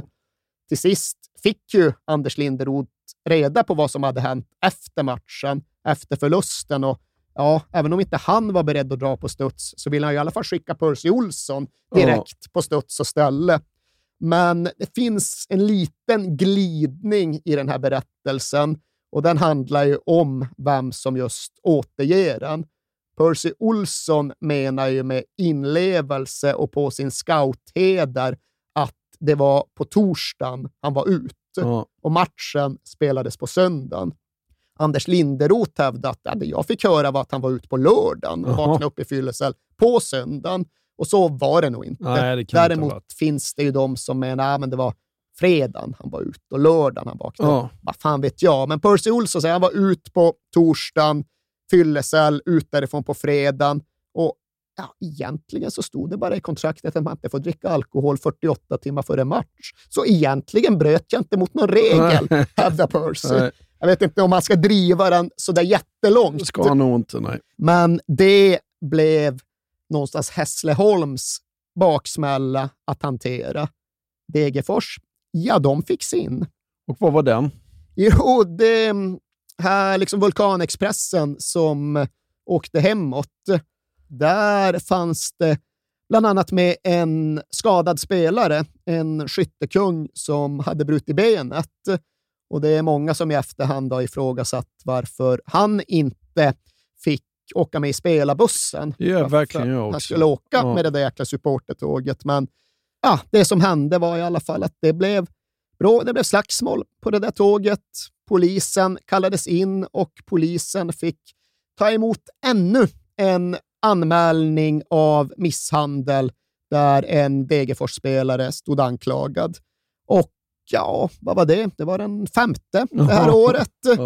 Och i efterhand har Ulf Ottosson gått ut och givit sin version, så vi behöver liksom inte dölja att det var han det var frågan om den här gången. Men han menar att han bara satt, bara satt och sov på min plats och då var det någon som snodde min halsduk. Då blev det sen ah, bråk och bråk, inget stort.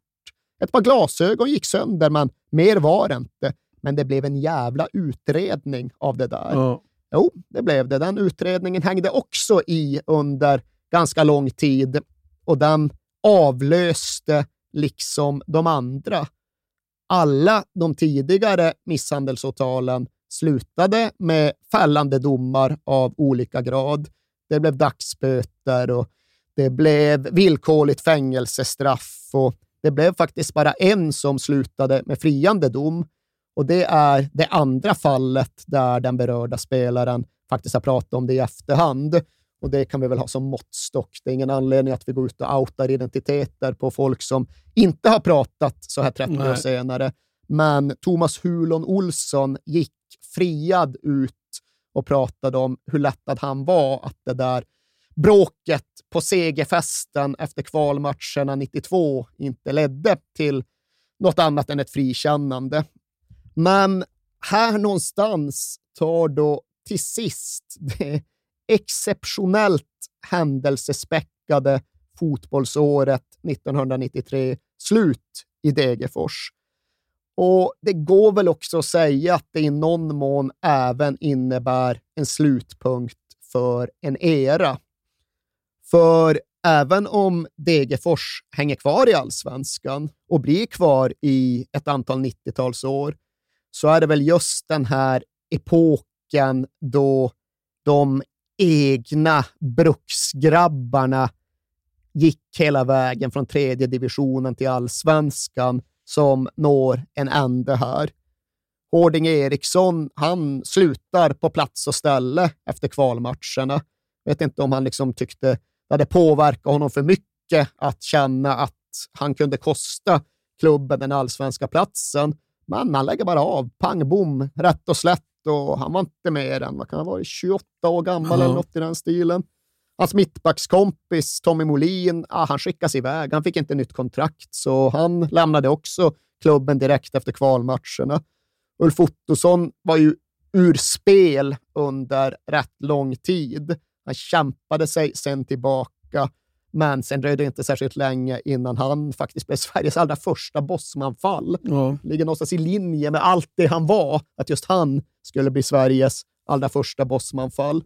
Och under en period som sedan följde så hade intendenten, eller vad han nu var, företrädaren för fotbollsmuseet, vikt en hel vägg åt alla skandallöpsedlar runt Degerfors IF det här året. Men det bestämdes sen att de skulle plockas ner.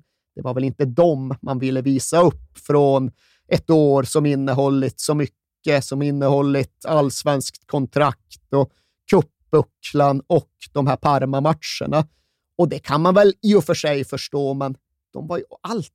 Allt hängde ihop. Allt var en del av den här brokiga, spektakulära fotbollssagan. Men ja, sen gick det ju några år och sen åkte Degerfors IF oundvikligen ur allsvenskan och ja, historien sedan dess kan ni väl i stora stycken, för den har ni hört så väldigt många gånger. Ni har fått höra om ett samhälle där jobben har försvunnit och därifrån folk har flyttat och där fotbollsklubben inte längre kan hävda sig. Men våren 2020 så står vi ju återigen här och kan konstatera att allt det där vi har hört, allt det där som har rapporterats, ja, men det är ju i så väldigt hög utsträckning bara falskt. För ifall vi tittar på samhället Degerfors idag så har befolkningssiffran där varit så gott som konstant i, i alla fall ett årtionde. Det är inte så att folk flyttar därifrån och aldrig kommer tillbaka, utan folk bor i väldigt hög utsträckning kvar. Och när vi lämnade Degerfors hösten 1993, ja, då var det ju beslutat och klubbat att eh, bruket skulle lägga ner. Men så vände stålmarknaden uppåt och så fick bruket vara kvar och snart 30 år senare, ja, då står det fortfarande där. Och inte nog med det, inte nog med att det är Autokompi hit och Avesta Sheffield dit. Det är fortfarande orden Degerfors järnverk som står på den stora skylten vid infarten på ett ja, nästan trotsigt sätt.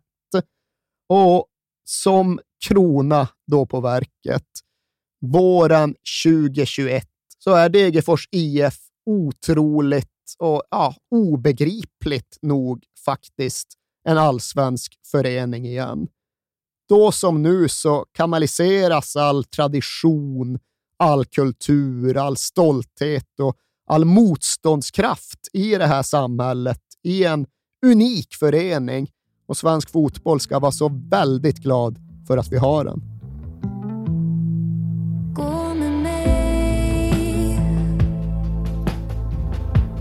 Bakom skuggor ser du solen